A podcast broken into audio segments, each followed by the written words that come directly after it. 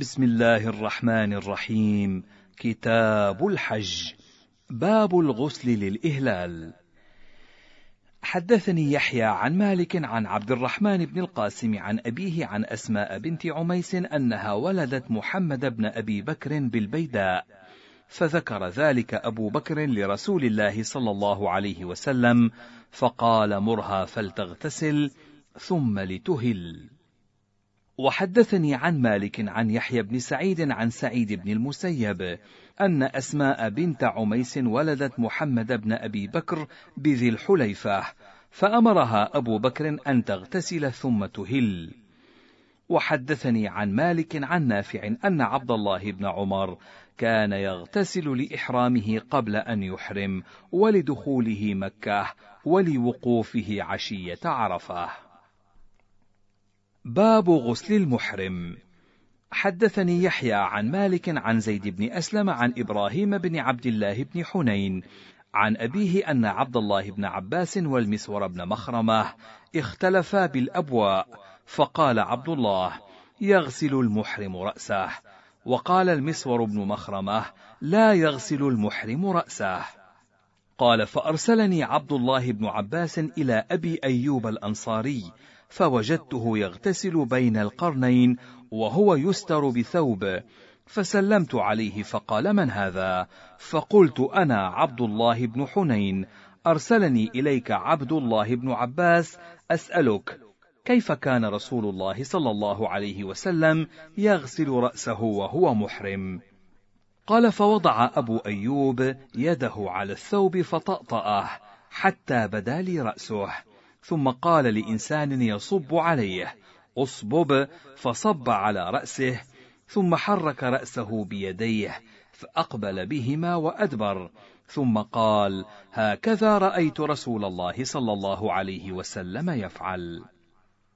وحدثني مالك عن حميد بن قيس عن عطاء بن أبي رباح أن عمر بن الخطاب قال ليعلى بن منيه وهو يصب على عمر بن الخطاب ماء وهو يغتسل. أصبب على رأسي. فقال يعلى أتريد أن تجعلها بي؟ إن أمرتني صببت. فقال له عمر بن الخطاب أصبب فلن يزيده الماء إلا شعثا. وحدثني مالك عن نافع أن عبد الله بن عمر كان إذا دنا من مكة بات بذي طوى بين الثنيتين. حتى يصبح ثم يصلي الصبح ثم يدخل من الثنية التي بأعلى مكة ولا يدخل إذا خرج حاجا أو معتمرا حتى يغتسل قبل أن يدخل مكة إذا دنا من مكة بذي طوى ويأمر من معه فيغتسلون قبل أن يدخلوا. وحدثني عن مالك عن نافع أن عبد الله بن عمر كان لا يغسل رأسه وهو محرم إلا من الاحتلام. قال مالك سمعت أهل العلم يقولون: لا بأس أن يغسل الرجل المحرم رأسه بالغسول بعد أن يرمي جمرة العقبة وقبل أن يحلق رأسه، وذلك أنه إذا رمى جمرة العقبة فقد حل له قتل القمل وحلق الشعر وإلقاء التفث ولبس الثياب. باب ما ينهى عنه من لبس الثياب في الإحرام. حدثني يحيى عن مالك عن نافع عن عبد الله بن عمر أن رجلا سأل رسول الله صلى الله عليه وسلم: ما يلبس المحرم من الثياب؟ فقال رسول الله صلى الله عليه وسلم: لا تلبسوا القمص ولا العمائم ولا السراويلات ولا البرانس ولا الخفاف إلا أحد لا يجد نعلين فليلبس خفين وليقطعهما أسفل من الكعبين. ولا تلبسوا من الثياب شيئا مسه الزعفران ولا الورس. قال يحيى سئل مالك عما ذكر عن النبي صلى الله عليه وسلم أنه قال ومن لم يجد إزارا فليلبس سراويل فقال لم أسمع بهذا ولا أرى أن يلبس المحرم سراويل لأن النبي صلى الله عليه وسلم نهى عن لبس السراويلات فيما نهى عنه من لبس الثياب التي لا ينبغي للمحرم أن يلبسها ولم يستثن فيها كما استثنى في الخفين. باب لبس الثياب المصبغة في الإحرام. حدثني يحيى عن مالك عن عبد الله بن دينار عن عبد الله بن عمر أنه قال نهى رسول الله صلى الله عليه وسلم أن يلبس المحرم ثوبا مصبوغا بزعفران أو ورس وقال من لم يجد نعلين فليلبس خفين وليقطعهما أسفل من الكعبين. وحدثني عن مالك عن نافع أنه سمع أسلم مولى عمر بن الخطاب يحدث عبد الله بن عمر أن عمر بن الخطاب رأى على طلحة بن عبيد الله ثوبا مصبوغا وهو محرم. فقال عمر ما هذا الثوب المصبوغ يا طلحة؟ فقال طلحة يا أمير المؤمنين إنما هو مدر. فقال عمر إنكم أيها الرهط أئمة يقتدي بكم الناس. فلو أن رجلا جاهلا رأى هذا الثوب لقال إن طلحة بن عبيد الله كان يلبس الثياب المصبغة في الإحرام. فلا تلبسوا أيها الرهط شيئا من هذه الثياب المصبغة. وحدثني عن مالك عن هشام بن عروة عن أبيه عن أمه أسماء بنت أبي بكر. أنها كانت تلبس الثياب المعصفرات المشبعات وهي محرمة ليس فيها زعفران. قال يحيى سئل مالك عن ثوب مسه طيب ثم ذهب منه ريح الطيب هل يحرم فيه؟ فقال نعم ما لم يكن فيه صباغ زعفران أو ورس. باب لبس المحرم المنطقة حدثني يحيى عن مالك عن نافع أن عبد الله بن عمر كان يكره لبس المنطقة للمحرم. وحدثني عن مالك عن يحيى بن سعيد أنه سمع سعيد بن المسيب يقول في المنطقة يلبسها المحرم تحت ثيابه أنه لا بأس بذلك إذا جعل طرفيها جميعا سيورا يعقد بعضها إلى بعض. قال مالك وهذا أحب ما سمعت إلي في ذلك. باب تخمير المحرم وجهه حدثني يحيى عن مالك عن يحيى بن سعيد عن القاسم بن محمد أنه قال أخبرني الفرافصة بن عمير الحنفي أنه رأى عثمان بن عفان بالعرج يغطي وجهه وهو محرم. وحدثني عن مالك عن نافع أن عبد الله بن عمر كان يقول ما فوق الذقن من الرأس فلا يخمره المحرم. وحدثني عن مالك عن نافع أن عبد الله بن عمر كفن ابنه واقد بن عبد الله ومات بالجحفة محرما وخمر رأسه ووجهه وقال لولا أنا حرم لطيبناه. قال مالك وإنما يعمل الرجل ما دام حيا فإذا مات فقد انقضى العمل. وحدثني عن مالك عن نافع أن عبد الله بن عمر كان يقول: لا تنتقب المرأة المحرمة ولا تلبس القفازين. وحدثني عن مالك عن هشام بن عروة عن فاطمة بنت المنذر أنها قالت: كنا نخمر وجوهنا ونحن محرمات ونحن مع أسماء بنت أبي بكر الصديق. باب ما جاء في الطيب في الحج. حدثني يحيى عن مالك عن عبد الرحمن بن القاسم عن أبيه عن عائشة زوج النبي صلى الله عليه وسلم أنها قالت: كنت أطيب رسول الله صلى الله عليه وسلم لإحرامه قبل أن يحرم ولحله قبل أن يطوف بالبيت. وحدثني عن مالك عن حميد بن قيس عن عطاء بن أبي رباح أن أعرابيا جاء إلى رسول الله صلى الله عليه وسلم وهو بحنين وعلى الأعرابي قميص وبه أثر صفرة. فقال يا رسول الله إني أهللت بعمرة فكيف تأمرني أن أصنع؟ فقال له رسول الله صلى الله عليه وسلم انزع قميصك واغسل هذه الصفرة عنك وافعل في عمرتك ما تفعل في حجك. وحدثني عن مالك عن نافع عن أسلم مولى عمر بن الخطاب أن عمر بن الخطاب وجد ريح طيب وهو بالشجرة فقال: ممن ريح هذا الطيب؟ فقال معاوية بن أبي سفيان: مني يا أمير المؤمنين. فقال منك لعمر الله. فقال معاوية: إن أم حبيبة طيبتني يا أمير المؤمنين فقال عمر عزمت عليك لترجعن فلتغسلنه. وحدثني عن مالك عن الصلت بن زبيد عن غير واحد من أهله أن عمر بن الخطاب وجد ريح طيب وهو بالشجرة وإلى جنبه كثير بن الصلت. فقال عمر ممن ريح هذا الطيب؟ فقال كثير مني يا أمير المؤمنين لبت رأسي وأردت ألا أحلق. فقال عمر فاذهب إلى شربة فادلك رأسك حتى تنقيه ففعل كثير بن الصلت. قال مالك الشربة حفير تكون عند أصل النخلة. وحدثني عن مالك عن يحيى بن سعيد وعبد الله بن أبي بكر وربيعة بن أبي عبد الرحمن. أن الوليد بن عبد الملك سأل سالم بن عبد الله وخارجة بن زيد بن ثابت بعد أن رمى الجمرة وحلق رأسه وقبل أن يفيض عن الطيب فنهاه سالم وأرخص له خارجة بن زيد بن ثابت قال مالك لا بأس أن يدهن الرجل بدهن ليس فيه طيب قبل أن يحرم وقبل أن يفيض من منى بعد رمي الجمرة. قال يحيى سئل مالك عن طعام فيه زعفران هل يأكله المحرم؟ فقال أما ما تمسه النار من ذلك فلا بأس به أن يأكله المحرم، وأما ما لم تمسه النار من ذلك فلا يأكله المحرم.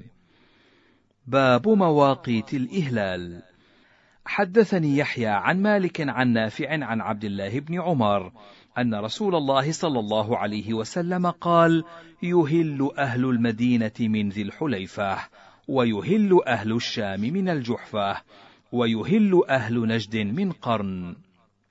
قال عبد الله بن عمر: وبلغني أن رسول الله صلى الله عليه وسلم قال: ويهل أهل اليمن من يلملم.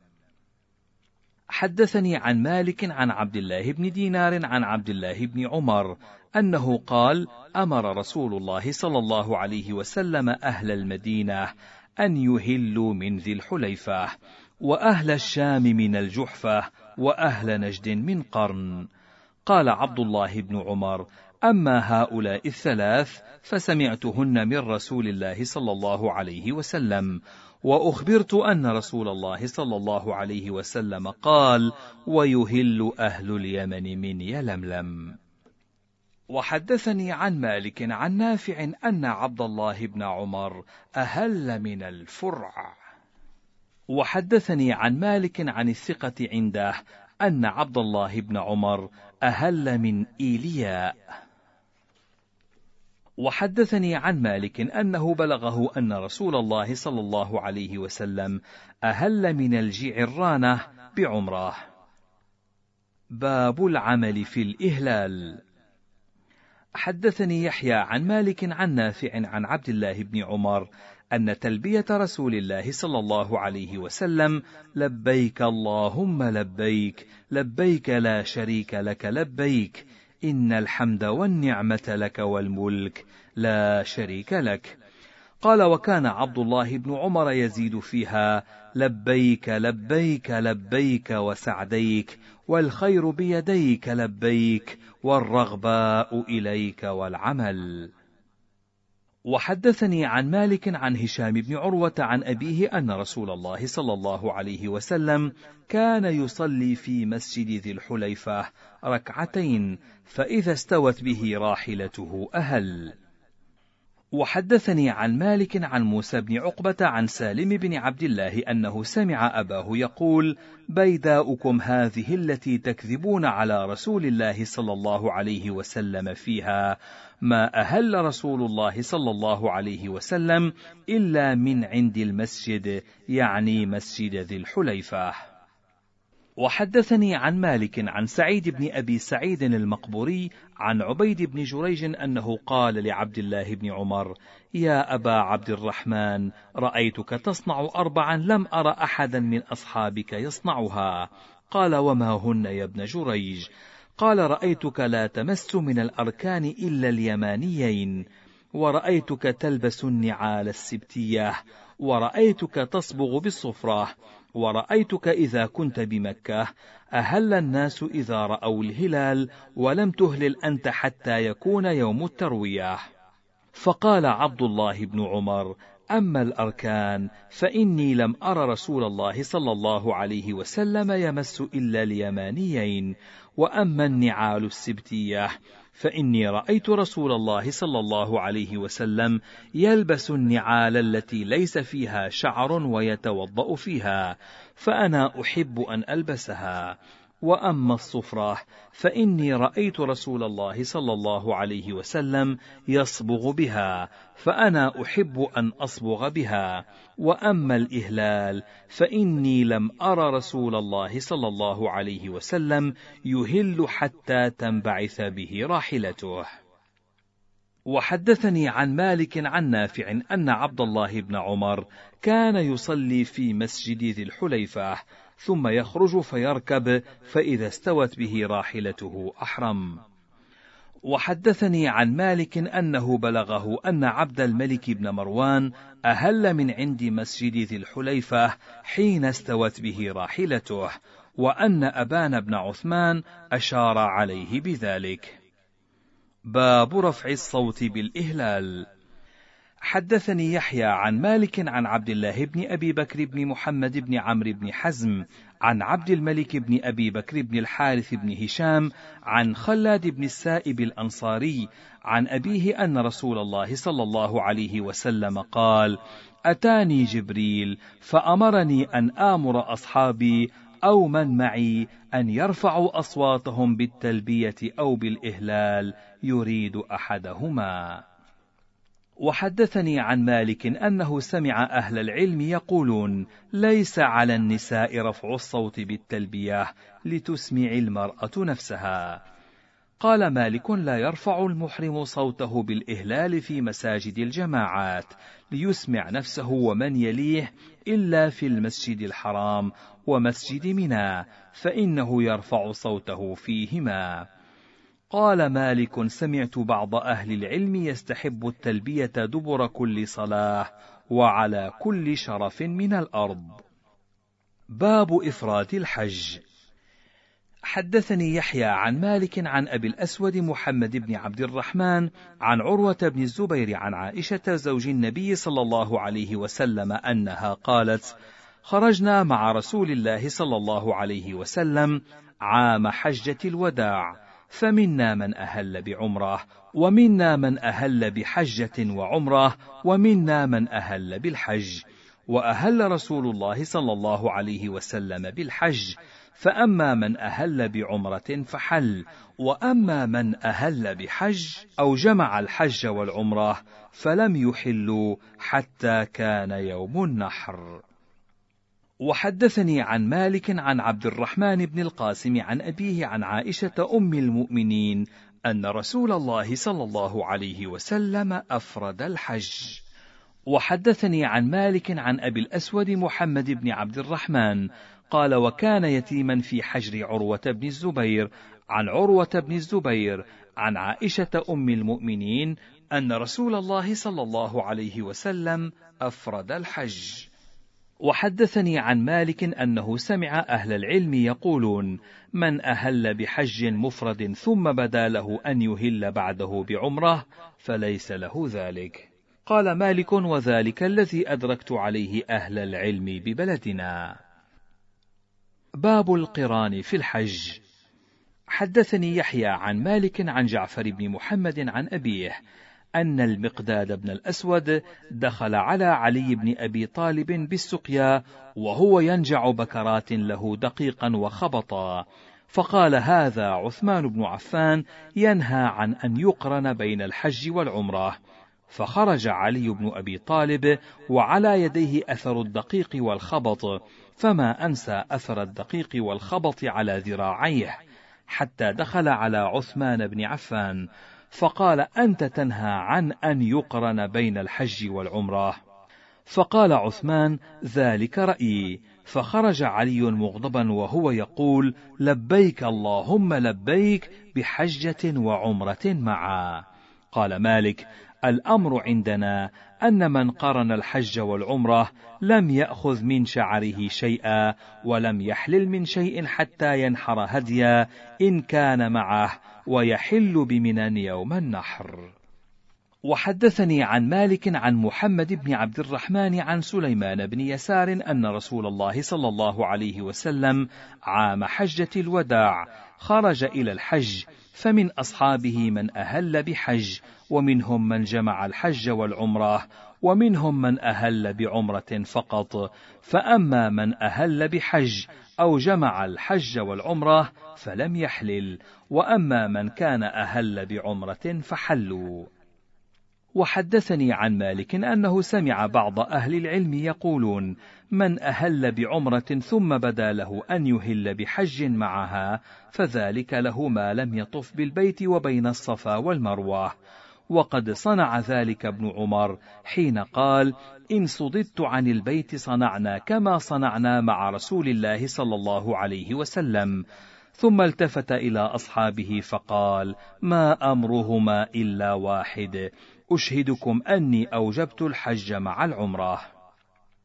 قال مالك وقد أهل أصحاب رسول الله صلى الله عليه وسلم عام حجة الوداع بالعمرة، ثم قال لهم رسول الله صلى الله عليه وسلم: من كان معه هدي فليهلل بالحج مع العمرة، ثم لا يحل حتى يحل منهما جميعا. باب قطع التلبية حدثني يحيى عن مالك عن محمد بن أبي بكر الثقفي أنه سأل أنس بن مالك وهما غاديان من منى إلى عرفة كيف كنتم تصنعون في هذا اليوم مع رسول الله صلى الله عليه وسلم؟ قال كان يهل المهل منا فلا ينكر عليه ويكبر المكبر فلا ينكر عليه. وحدثني عن مالك عن جعفر بن محمد عن أبيه أن علي بن أبي طالب كان يلبي في الحج حتى إذا زاغت الشمس من يوم عرفة قطع التلبية قال يحيى قال مالك وذلك الأمر الذي لم يزل عليه أهل العلم ببلدنا وحدثني عن مالك عن عبد الرحمن بن القاسم عن أبيه عن عائشة زوج النبي صلى الله عليه وسلم أنها كانت تترك التلبية إذا رجعت إلى الموقف. وحدثني عن مالك عن نافع أن عبد الله بن عمر كان يقطع التلبية في الحج إذا انتهى إلى الحرم حتى يطوف بالبيت وبين الصفا والمروة، ثم يلبي حتى يغدو من منى إلى عرفة، فإذا غدا ترك التلبية، وكان يترك التلبية في العمرة إذا دخل الحرم. وحدثني عن مالك عن ابن شهاب أنه كان يقول كان عبد الله بن عمر لا يلبي وهو يطوف بالبيت وحدثني عن مالك عن علقمة بن أبي علقمة عن أمه عن عائشة أم المؤمنين أنها كانت تنزل من عرفة بنمرة ثم تحولت إلى الأراك قالت وكانت عائشة تهل ما كانت في منزلها ومن كان معها فإذا ركبت فتوجهت إلى الموقف تركت الإهلال. قالت وكانت عائشة تعتمر بعد الحج من مكة في ذي الحجة ثم تركت ذلك فكانت تخرج قبل هلال المحرم حتى تأتي الجحفة فتقيم بها حتى ترى الهلال فإذا رأت الهلال أهلت بعمره. وحدثني عن مالك عن يحيى بن سعيد أن عمر بن عبد العزيز غدا يوم عرفة من منى فسمع التكبير عاليا فبعث الحرس يصيحون في الناس أيها الناس إنها التلبية باب إهلال أهل مكة ومن بها من غيرهم. حدثني يحيى عن مالك عن عبد الرحمن بن القاسم عن أبيه أن عمر بن الخطاب قال يا أهل مكة ما شأن الناس يأتون شعثا وأنتم مدهنون أهلوا إذا رأيتم الهلال. وحدثني عن مالك عن هشام بن عروة أن عبد الله بن الزبير أقام بمكة تسع سنين ويهل بالحج لهلال ذي الحجة وعروة بن الزبير معه يفعل ذلك قال يحيى قال مالك وإنما يهل أهل مكة وغيرهم بالحج إذا كانوا بها ومن كان مقيما بمكة من غير أهلها من جوف مكة لا يخرج من الحرم. قال يحيى: قال مالك: ومن أهل من مكة بالحج فليؤخر الطواف بالبيت والسعي بين الصفا والمروة حتى يرجع من منى، وكذلك صنع عبد الله بن عمر. وسئل مالك عمن أهل بالحج من أهل المدينة أو غيرهم من مكة لهلال ذي الحجة كيف يصنع بالطواف قال أما الطواف الواجب فليؤخره وهو الذي يصل بينه وبين السعي بين الصفا والمروة وليطف ما بدا له وليصلي ركعتين كلما طاف سبعا وقد فعل ذلك أصحاب رسول الله صلى الله عليه وسلم الذين أهلوا بالحج فأخروا الطواف بالبيت والسعي بين الصفا والمروة حتى رجعوا من منى. وفعل ذلك عبد الله بن عمر فكان يهل لهلال ذي الحجة بالحج من مكة ويؤخر الطواف بالبيت والسعي بين الصفا والمروة حتى يرجع من منى. وسئل مالك عن رجل من أهل مكة هل يهل من جوف مكة بعمرة؟ قال بل يخرج إلى الحل فيحرم منه. باب ما لا يوجب الإحرام من تقليد الهدي. حدثني يحيى عن مالك عن عبد الله بن أبي بكر بن محمد عن عمرة بنت عبد الرحمن أنها أخبرته أن زياد بن أبي سفيان كتب إلى عائشة زوج النبي صلى الله عليه وسلم أن عبد الله بن عباس قال من أهدى هديا حرم عليه ما يحرم على الحاج حتى ينحر الهدي وقد بعثت بهدي فاكتبي إلي بأمرك أو مري صاحب الهدي قالت عمره قالت عائشة ليس كما قال ابن عباس. أنا فتلت قلائد هدي رسول الله صلى الله عليه وسلم بيدي ثم قلدها رسول الله صلى الله عليه وسلم بيده ثم بعث بها رسول الله صلى الله عليه وسلم مع أبي فلم يحرم على رسول الله صلى الله عليه وسلم شيء أحله الله له حتى نحر الهدي.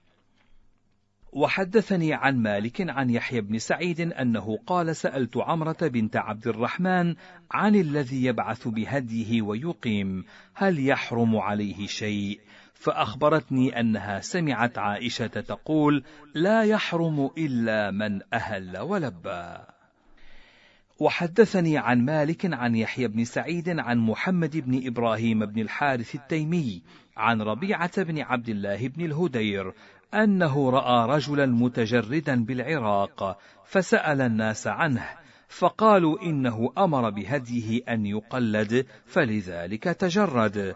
قال ربيعة فلقيت عبد الله بن الزبير فذكرت له ذلك فقال بدعة ورب الكعبة. وسئل مالك عمن خرج بهدي لنفسه فأشعره وقلده بذي الحليفة ولم يحرم هو حتى جاء الجحفة. قال لا أحب ذلك ولم يصب من فعله ولا ينبغي له أن يقلد الهدي ولا يشعره إلا عند الإهلال إلا رجل لا يريد الحج فيبعث به ويقيم في أهله. وسئل مالك هل يخرج بالهدي غير محرم؟ فقال نعم لا بأس بذلك. وسئل أيضا عما اختلف فيه الناس من الإحرام لتقليد الهدي ممن لا يريد الحج ولا العمرة. فقال الأمر عندنا الذي نأخذ به في ذلك قول عائشة أم المؤمنين. إن رسول الله صلى الله عليه وسلم بعث بهديه ثم أقام فلم يحرم عليه شيء مما أحله الله له حتى نحر هديه. باب ما تفعل الحائض في الحج.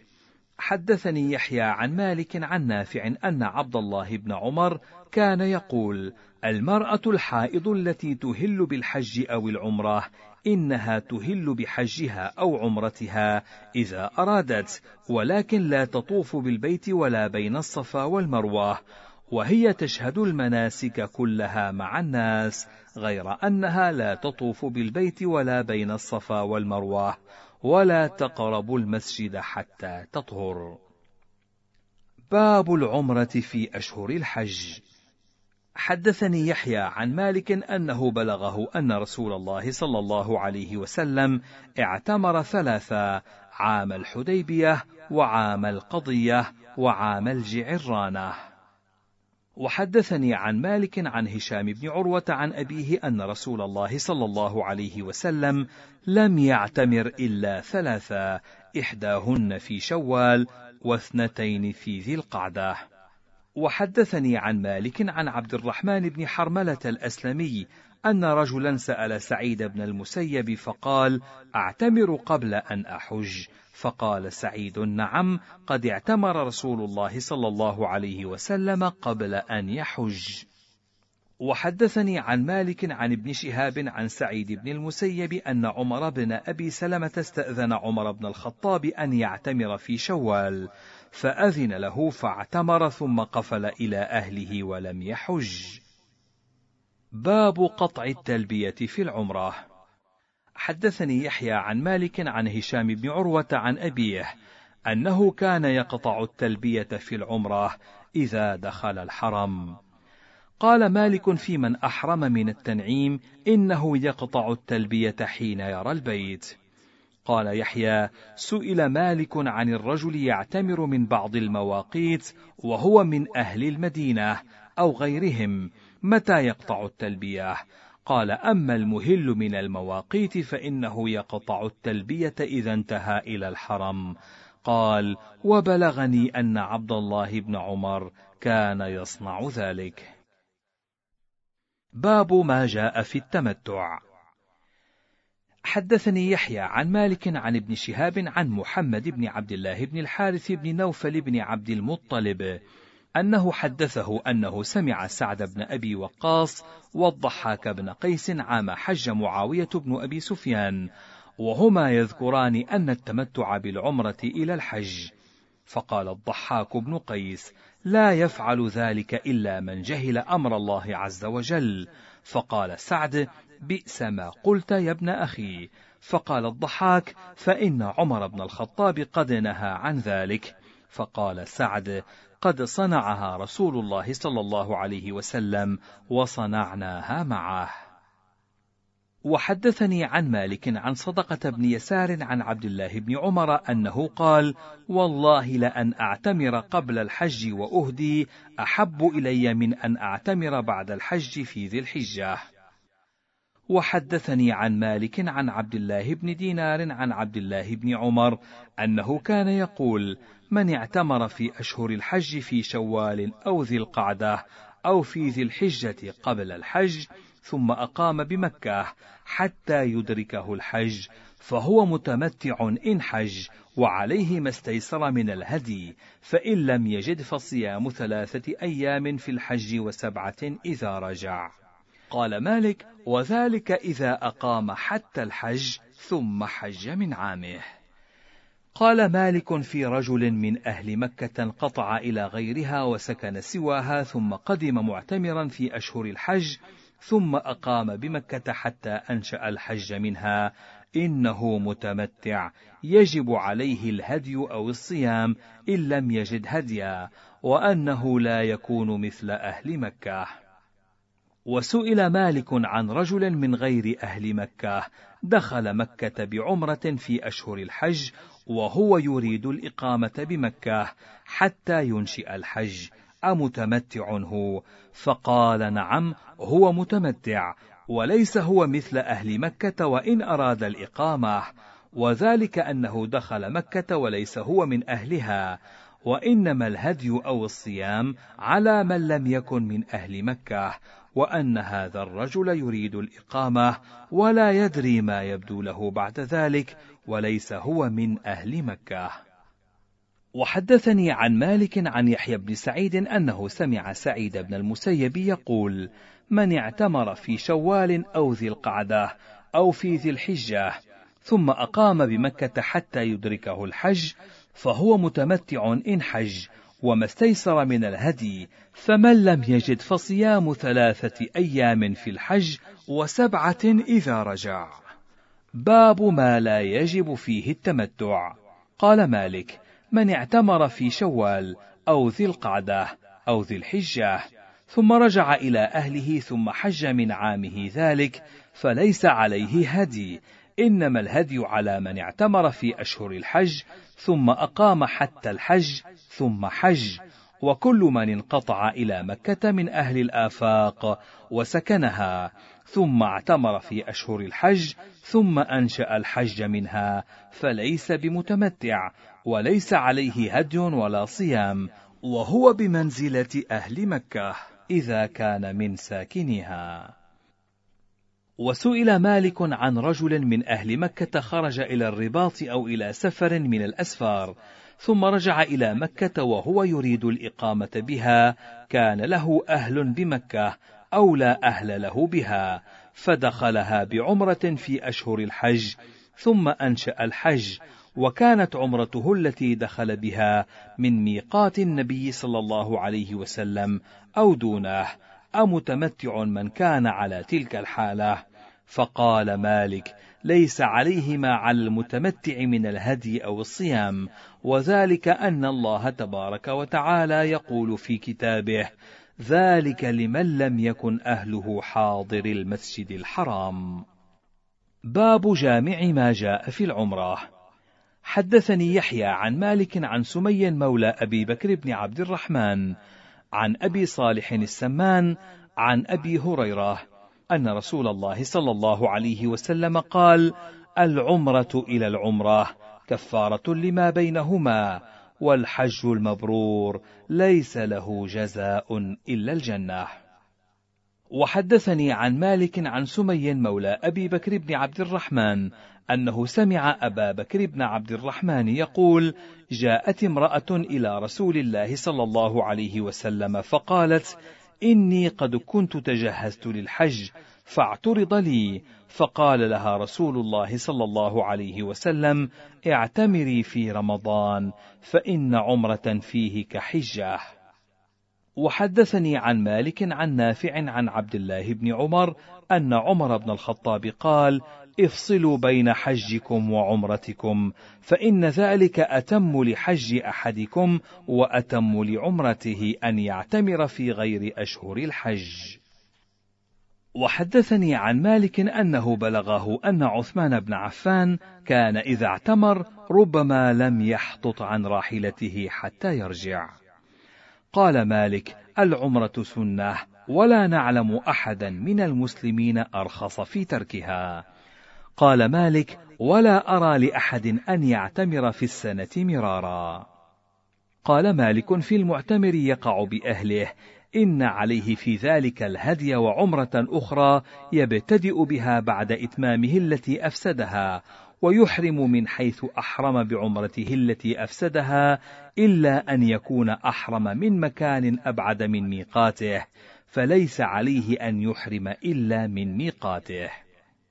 قال مالك ومن دخل مكة بعمرة فطاف بالبيت وسعى بين الصفا والمروة وهو جنب أو على غير وضوء ثم وقع بأهله ثم ذكر. قال يغتسل أو يتوضأ ثم يعود فيطوف بالبيت وبين الصفا والمروة ويعتمر عمرة أخرى ويهدي. وعلى المرأة إذا أصابها زوجها وهي محرمة مثل ذلك. قال مالك فأما العمرة من التنعيم فإنه من شاء أن يخرج من الحرم ثم يحرم فإن ذلك مجزئ عنه إن شاء الله. ولكن الفضل أن يهل من الميقات الذي وقت رسول الله صلى الله عليه وسلم أو ما هو أبعد من التنعيم. باب نكاح المحرم. حدثني يحيى عن مالك عن ربيعة بن أبي عبد الرحمن عن سليمان بن يسار أن رسول الله صلى الله عليه وسلم بعث أبا رافع ورجلا من الأنصار فزوجاه ميمونة بنت الحارث ورسول الله صلى الله عليه وسلم بالمدينة قبل أن يخرج. وحدثني عن مالك عن نافع عن نبيه بن وهب أخي بني عبد الدار أن عمر بن عبيد الله أرسل إلى أبان بن عثمان وأبان يومئذ أمير الحاج وهما محرمان. إني قد أردت أن أنكح طلحة بن عمر بنت شيبة ابن جبير وأردت أن تحضر.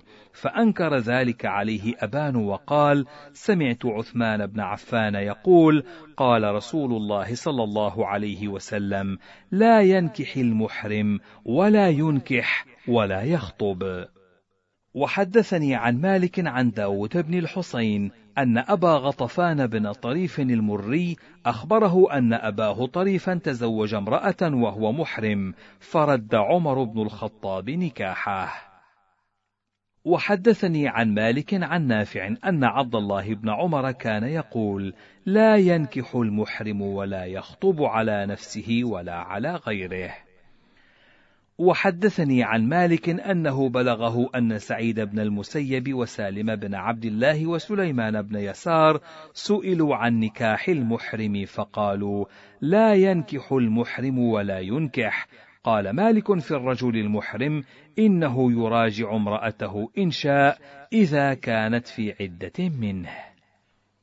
باب حجامة المحرم. حدثني يحيى عن مالك عن يحيى بن سعيد عن سليمان بن يسار أن رسول الله صلى الله عليه وسلم احتجم وهو محرم فوق رأسه وهو يومئذ بلحيي جمل مكان بطريق مكة. وحدثني عن مالك عن نافع عن عبد الله بن عمر أنه كان يقول لا يحتجم المحرم إلا مما لا بد له منه. قال مالك لا يحتجم المحرم إلا من ضرورة. باب ما يجوز للمحرم أكله من الصيد. حدثني يحيى عن مالك عن أبي النضر مولى عمر بن عبيد الله التيمي عن نافع مولى أبي قتادة الأنصاري عن أبي قتادة أنه كان مع رسول الله صلى الله عليه وسلم حتى إذا كانوا ببعض طريق مكة تخلف مع أصحاب له محرمين وهو غير محرم فرأى حمارا وحشيا فاستوى على فرسه فسأل أصحابه أن يناولوه سوطه فأبوا عليه فسألهم رمحه فأبوا فأخذه ثم شد على الحمار فقتله. فأكل منه بعض أصحاب رسول الله صلى الله عليه وسلم وأبى بعضهم. فلما أدركوا رسول الله صلى الله عليه وسلم سألوه عن ذلك فقال إنما هي طعمة أطعمكموها الله. وحدثني عن مالك عن هشام بن عروة عن أبيه أن الزبير بن العوام كان يتزود صفيف الظباء وهو محرم.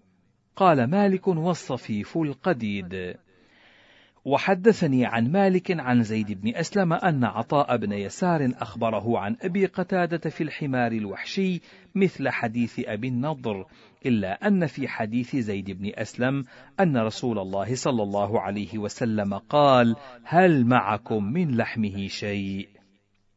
وحدثني عن مالك عن يحيى بن سعيد الأنصاري أنه قال أخبرني محمد بن إبراهيم بن الحارث التيمي عن عيسى بن طلحة بن عبيد الله عن عمير بن سلمة الضمري عن البهزي أن رسول الله صلى الله عليه وسلم خرج يريد مكة وهو محرم حتى إذا كان بالروحاء إذا حمار وحشي عقير. فذكر ذلك لرسول الله صلى الله عليه وسلم فقال دعوه فإنه يوشك أن يأتي صاحبه. فجاء البهزي وهو صاحبه إلى النبي صلى الله عليه وسلم فقال يا رسول الله شأنكم بهذا الحمار. فأمر رسول الله صلى الله عليه وسلم أبا بكر فقسمه بين الرفاق ثم مضى حتى إذا كان بالأثابة بين الرويثة والعرج إذا ظبي حاقف في ظل فيه سهم فزعم أن رسول الله صلى الله عليه وسلم أمر رجلا أن يقف عنده لا يريبه أحد من الناس حتى يجاوزه. وحدثني عن مالك عن يحيى بن سعيد أنه سمع سعيد بن المسيب يحدث عن أبي هريرة أنه أقبل من البحرين حتى إذا كان بالربذة وجد ركبا من أهل العراق محرمين. فسألوه عن لحم صيد وجدوه عند أهل الربذة فأمرهم بأكله. قال أبو هريرة ثم إني شككت فيما أمرتهم به فلما قدمت المدينة ذكرت ذلك لعمر بن الخطاب فقال عمر ماذا أمرتهم به؟ فقال أمرتهم بأكله. فقال عمر بن الخطاب لو أمرتهم بغير ذلك لفعلت بك يتواعده. وحدثني عن مالك عن ابن شهاب عن سالم بن عبد الله أنه سمع أبا هريرة يحدث عبد الله بن عمر أنه مر به قوم محرمون بالربذة فاستفتوه في لحم صيد وجدوا ناسا أحلة يأكلونه فأفتاهم بأكله. قال ثم قدمت المدينة على عمر بن الخطاب فسألته عن ذلك فقال بما أفتيتهم؟ قال فقلت أفتيتهم بأكله. قال فقال عمر لو أفتيتهم بغير ذلك لأوجعتك. وحدثني عن مالك عن زيد بن أسلم عن عطاء بن يسار أن كعب الأحبار أقبل من الشام في ركب حتى إذا كانوا ببعض الطريق وجدوا لحم صيد فأفتاهم كعب بأكله. قال فلما قدموا على عمر بن الخطاب بالمدينة ذكروا ذلك له فقال من أفتاكم بهذا؟ قالوا كعب. قال فإني قد أمرته عليكم حتى ترجعوا. ثم لما كانوا ببعض طريق مكة مرت بهم رجل من جراد فأفتاهم كعب أن يأخذوه فيأكلوه. فلما قدموا على عمر بن الخطاب ذكروا له ذلك. فقال ما حملك على أن تفتيهم بهذا؟ قال هو من صيد البحر. قال وما يدريك؟ قال يا أمير المؤمنين والذي نفسي بيده إن هي إلا نثرة حوت ينثره في كل عام مرتين. وسئل مالك عما يوجد من لحوم الصيد على الطريق هل يبتاعه المحرم؟ فقال أما ما كان من ذلك يعترض به الحاج ومن أجلهم صيد فإني أكرهه وأنهى عنه. فأما أن يكون عند رجل لم يرد به المحرمين فوجده محرم فابتاعه فلا بأس به.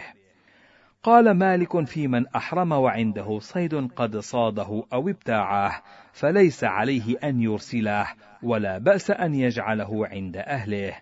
قال مالك في صيد الحيتان في البحر والأنهار والبرك وما أشبه ذلك إنه حلال للمحرم أن يصطاده. باب ما لا يحل للمحرم أكله من الصيد. حدثني يحيى عن مالك عن ابن شهاب عن عبيد الله بن عبد الله بن عتبة ابن مسعود عن عبد الله بن عباس عن الصعب بن جثامة الليثي أنه أهدى لرسول الله صلى الله عليه وسلم حمارا وحشيا وهو بالأبواء أو بودان فرده عليه رسول الله صلى الله عليه وسلم فلما رأى رسول الله صلى الله عليه وسلم ما في وجهه قال إنا لم نرده عليك إلا أنا حرم. وحدثني عن مالك عن عبد الله بن أبي بكر عن عبد الله بن عامر بن ربيعة قال رأيت عثمان بن عفان بالعرج وهو محرم في يوم صائف قد غطى وجهه بقطيفة أرجوان ثم أتي بلحم صيد فقال لأصحابه كلوا. فقالوا أولا تأكل أنت؟ فقال إني لست كهيئتكم إنما صيد من أجلي. وحدثني عن مالك عن هشام بن عروة عن أبيه عن عائشة أم المؤمنين أنها قالت له يا ابن أختي إنما هي عشر ليال فإن تخلج في نفسك شيء فدعه تعني أكل لحم الصيد. قال مالك في الرجل المحرم يصاد من أجله صيد فيصنع له ذلك الصيد فيأكل منه وهو يعلم أنه من أجله صيد فإن عليه جزاء ذلك الصيد كله. وسئل مالك عن الرجل يضطر إلى أكل الميتة وهو محرم أيصيد الصيد فيأكله أم يأكل الميتة؟ فقال بل يأكل الميتة. وذلك أن الله تبارك وتعالى لم يرخص للمحرم في أكل الصيد ولا في أخذه في حال من الأحوال، وقد أرخص في الميتة على حال الضرورة. قال مالك وأما ما قتل المحرم أو ذبح من الصيد فلا يحل أكله لحلال ولا لمحرم لأنه ليس بذكي كان خطأ أو عمدا فأكله لا يحل وقد سمعت ذلك من غير واحد والذي يقتل الصيد ثم يأكله إنما عليه كفارة واحدة مثل من قتله ولم يأكل منه. باب أمر الصيد في الحرم.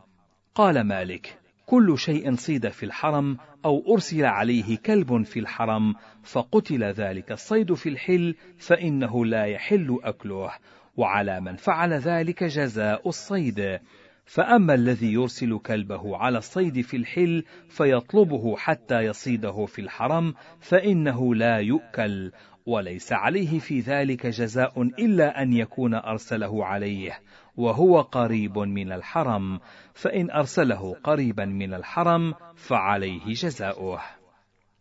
باب الحكم في الصيد.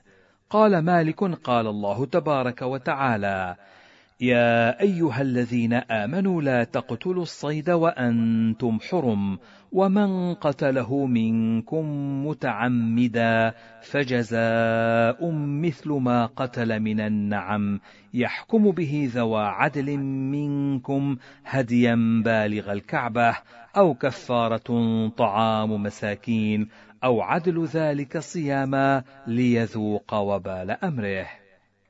قال مالك فالذي يصيد الصيد وهو حلال ثم يقتله وهو محرم بمنزلة الذي يبتاعه وهو محرم ثم يقتله وقد نهى الله عن قتله فعليه جزاؤه. والأمر عندنا أن من أصاب الصيد وهو محرم حكم عليه بالجزاء. قال يحيى قال مالك أحسن ما سمعت في الذي يقتل الصيد فيحكم عليه فيه أن يقوم الصيد الذي أصاب فينظر كم ثمنه من الطعام فيطعم كل مسكين مدا أو يصوم مكان كل مد يوما وينظر كم عدة المساكين. فإن كانوا عشرة صام عشرة أيام وإن كانوا عشرين مسكينا صام عشرين يوما عددهم ما كانوا وإن كانوا أكثر من ستين مسكينا.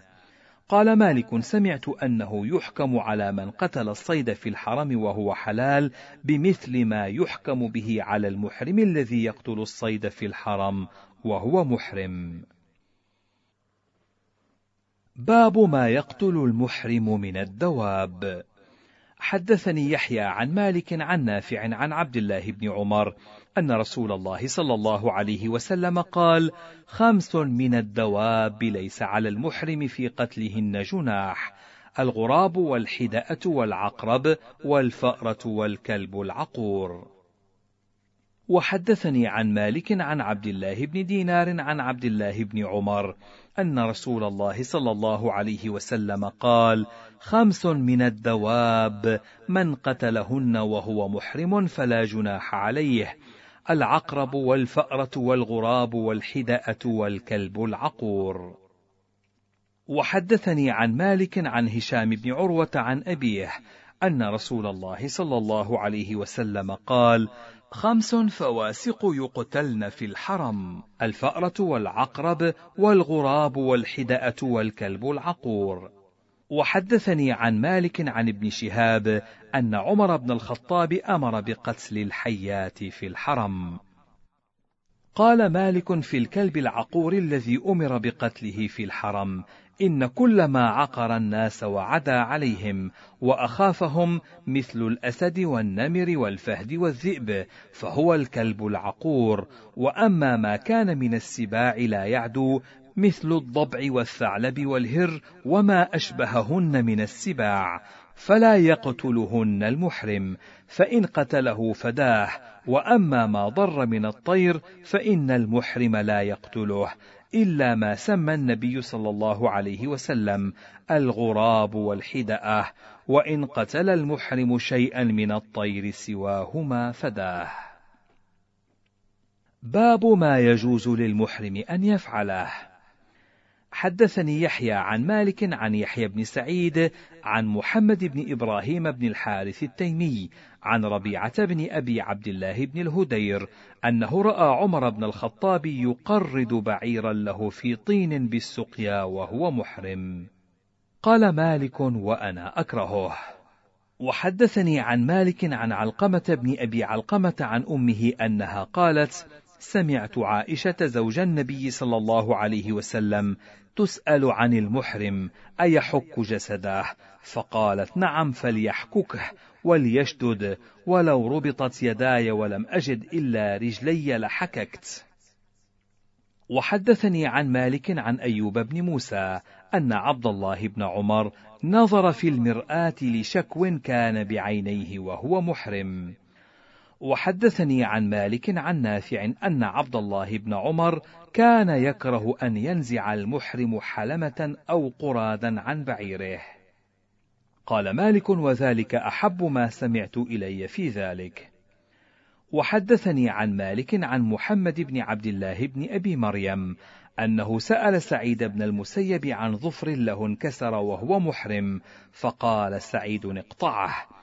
وسئل مالك عن الرجل يشتكي أذنه أيقطر في أذنه من البان الذي لم يطيب وهو محرم؟ فقال لا أرى بذلك بأسا ولو جعله في فيه لم أر بذلك بأسا. قال مالك ولا بأس أن يبط المحرم خراجه ويفقأ دمله ويقطع عرقه إذا احتاج إلى ذلك. باب الحج عمن يحج عنه. حدثني يحيى عن مالك عن ابن شهاب عن سليمان بن يسار عن عبد الله بن عباس قال كان الفضل بن عباس رديف رسول الله صلى الله عليه وسلم فجاءته امرأة من خثعم تستفتيه فجعل الفضل ينظر إليها وتنظر إليه. فجعل رسول الله صلى الله عليه وسلم يصرف وجه الفضل إلى الشق الآخر. فقالت يا رسول الله إن فريضة الله في الحج أدركت أبي شيخا كبيرا لا يستطيع أن يثبت على الراحلة أفأحج عنه؟ قال نعم وذلك في حجة الوداع. باب ما جاء في من أحصر بعدو. حدثني يحيى عن مالك قال من حبس بعدو فحال بينه وبين البيت فإنه يحل من كل شيء وينحر هديه ويحلق رأسه حيث حبس وليس عليه قضاء.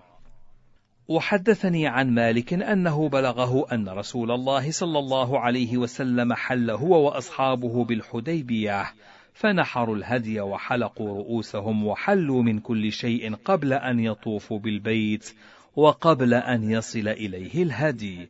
ثم لم يعلم أن رسول الله صلى الله عليه وسلم أمر أحدا من أصحابه ولا ممن كان معه أن يقضوا شيئا ولا يعودوا لشيء. وحدثني عن مالك عن نافع عن عبد الله بن عمر أنه قال حين خرج إلى مكة معتمرا في الفتنة إن صددت عن البيت صنعنا كما صنعنا مع رسول الله صلى الله عليه وسلم فأهل بعمرة من أجل أن رسول الله صلى الله عليه وسلم أهل بعمرة عام الحديبية. ثم إن عبد الله نظر في أمره فقال: ما أمرهما إلا واحد، ثم التفت إلى أصحابه فقال: ما أمرهما إلا واحد، أشهدكم أني قد أوجبت الحج مع العمرة، ثم نفذ حتى جاء البيت فطاف طوافا واحدا، ورأى ذلك مجزيا عنه وأهدى. قال مالك فهذا الأمر عندنا في من أحصر بعدو كما أحصر النبي صلى الله عليه وسلم وأصحابه. فأما من أحصر بغير عدو فإنه لا يحل دون البيت. باب ما جاء في من أحصر بغير عدو.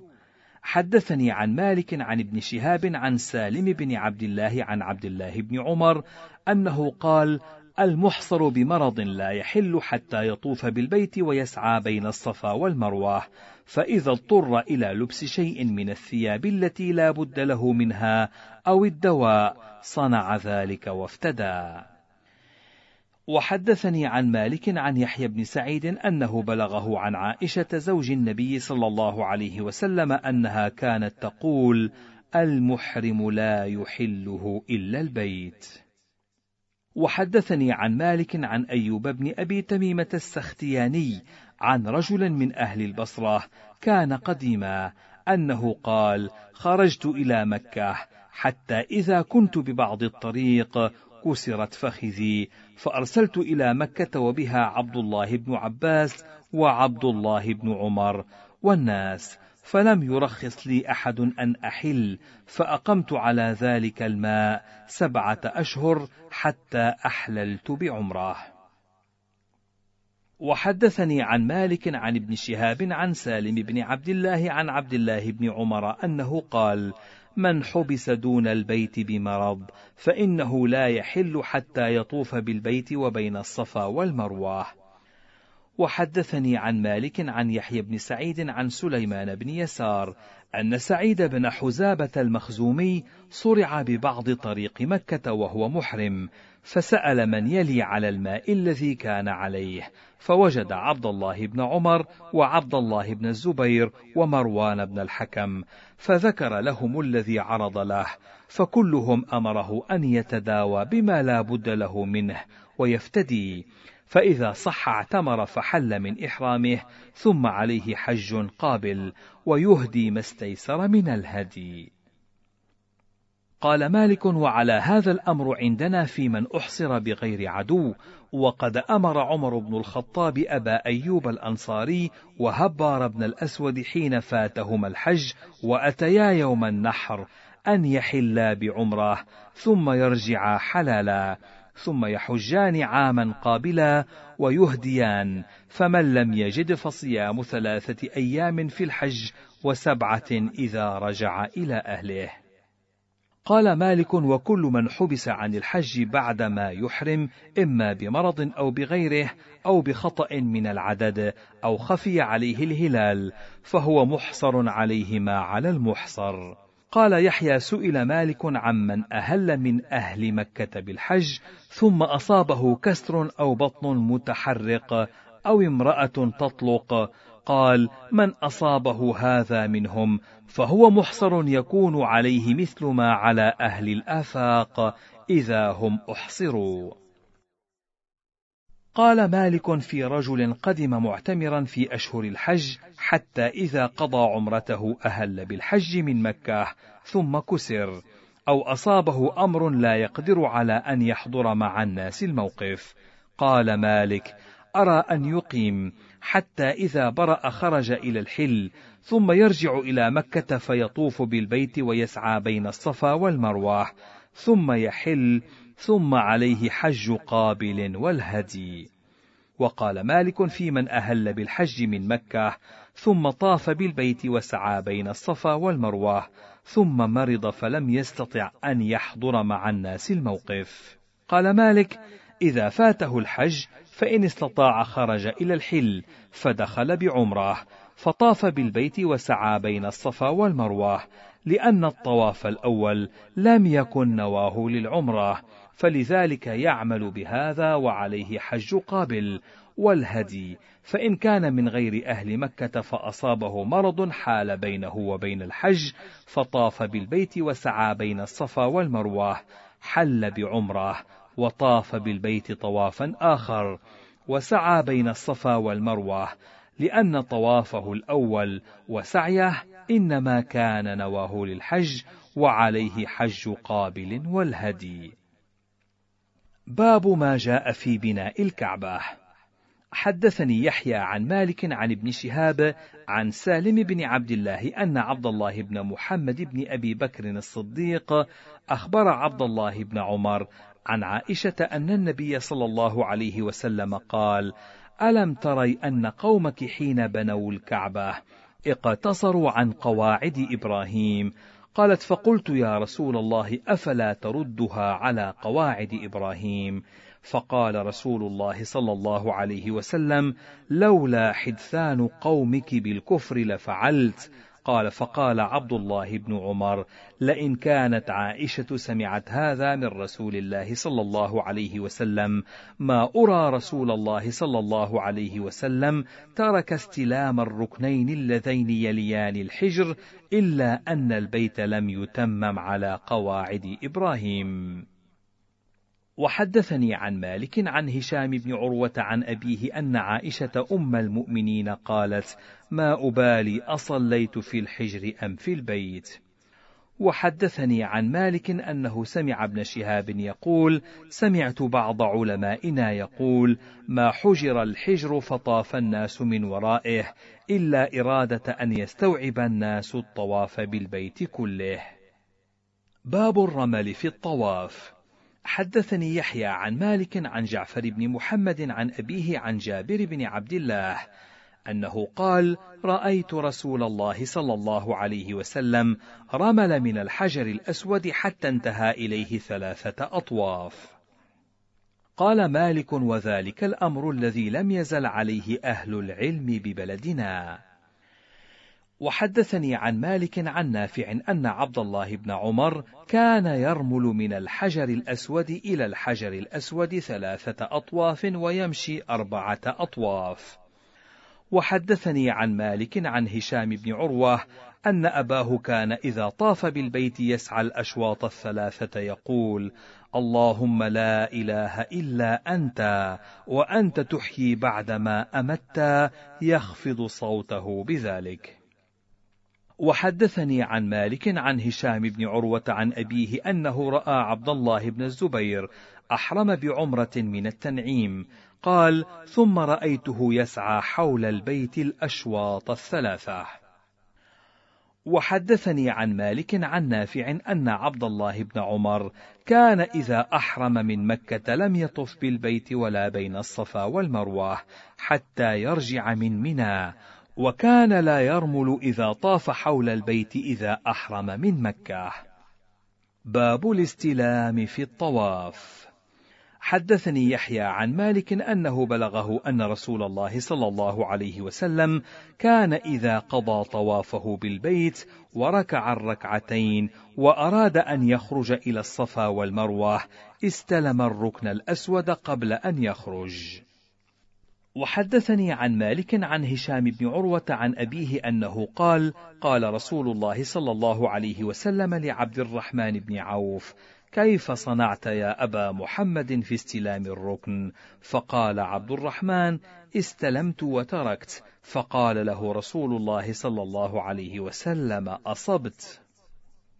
وحدثني عن مالك عن هشام بن عروة أن أباه كان إذا طاف بالبيت يستلم الأركان كلها، وكان لا يدع اليماني إلا أن يغلب عليه. باب تقبيل الركن الأسود في الاستلام.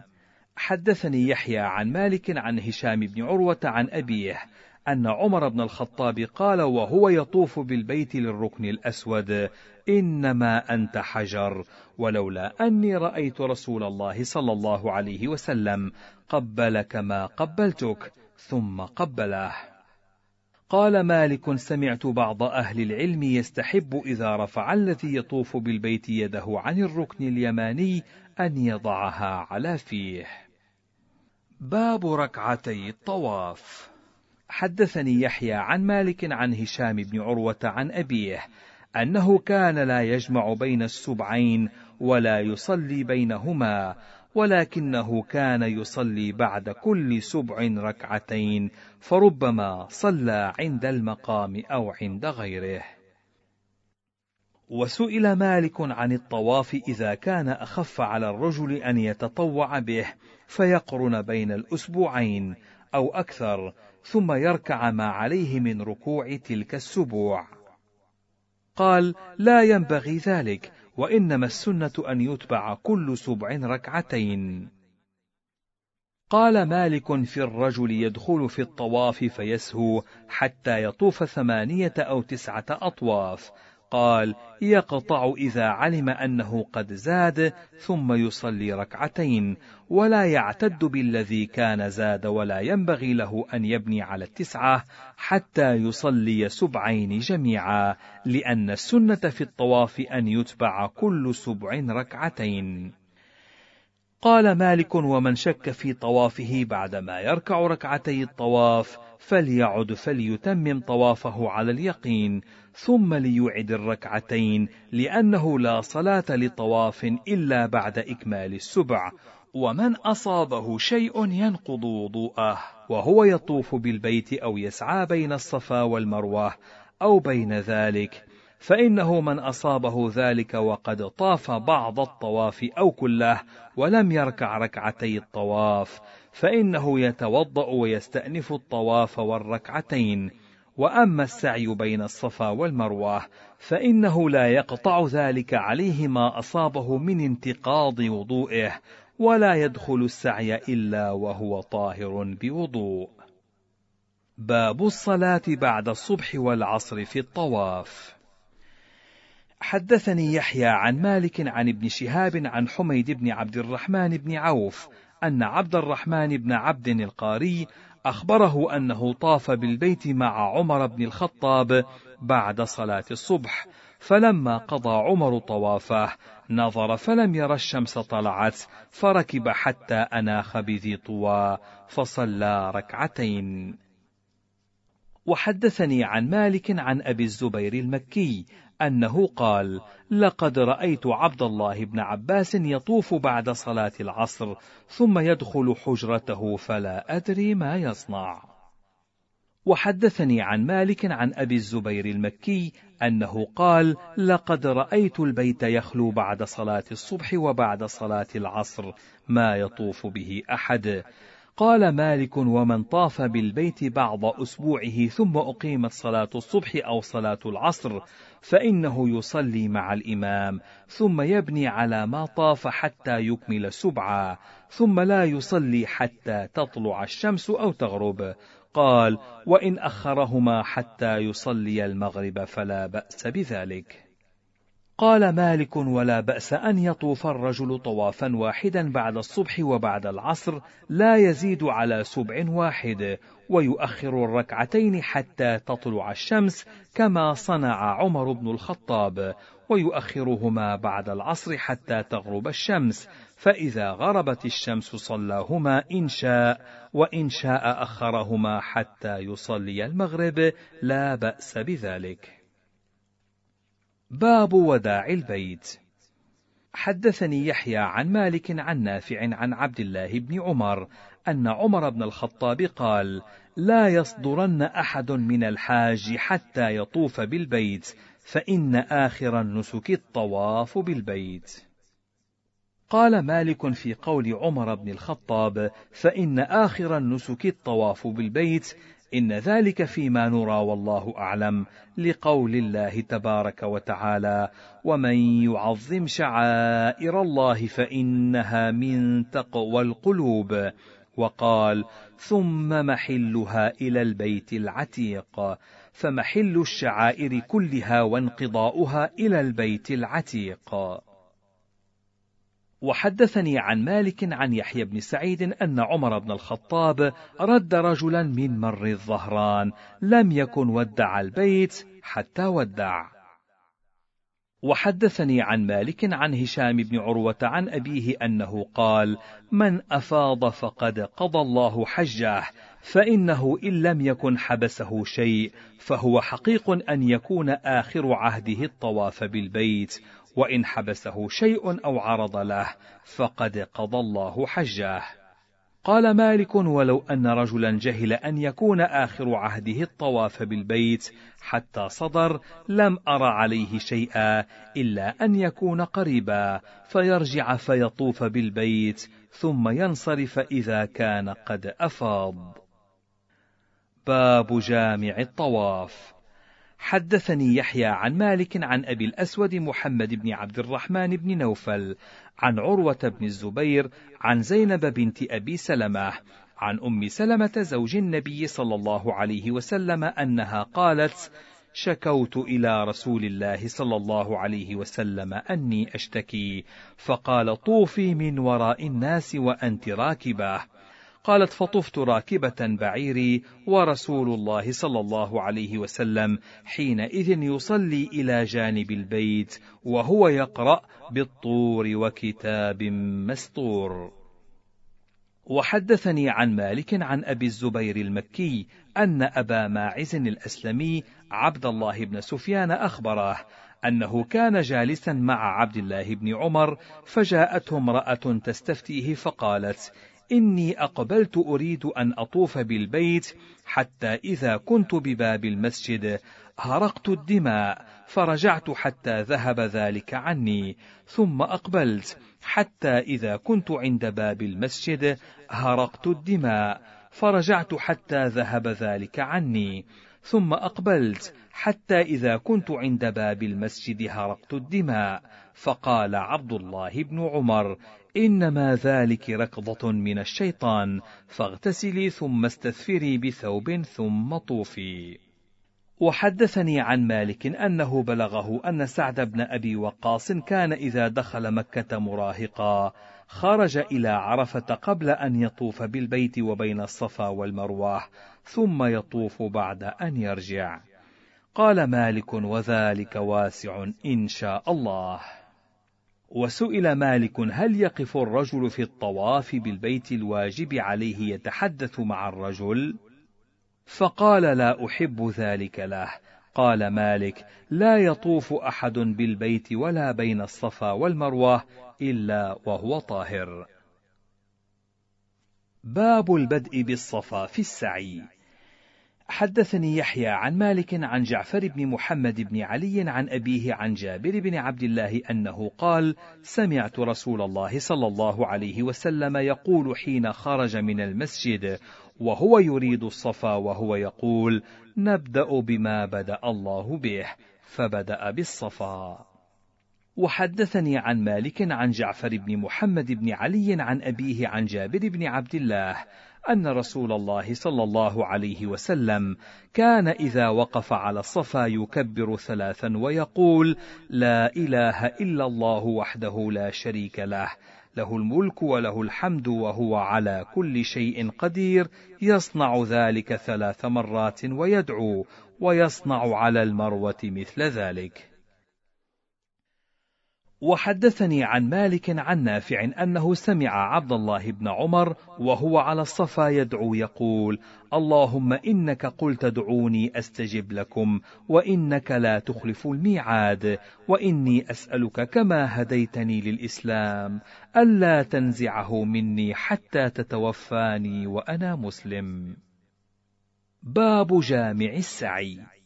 حدثني يحيى عن مالك عن هشام بن عروة عن أبيه أنه قال: قلت لعائشة أم المؤمنين وأنا يومئذ حديث السن: أرأيت قول الله تبارك وتعالى: إن الصفا والمروة من شعائر الله، فمن حج البيت أو اعتمر فلا جناح عليه أن يطوف بهما.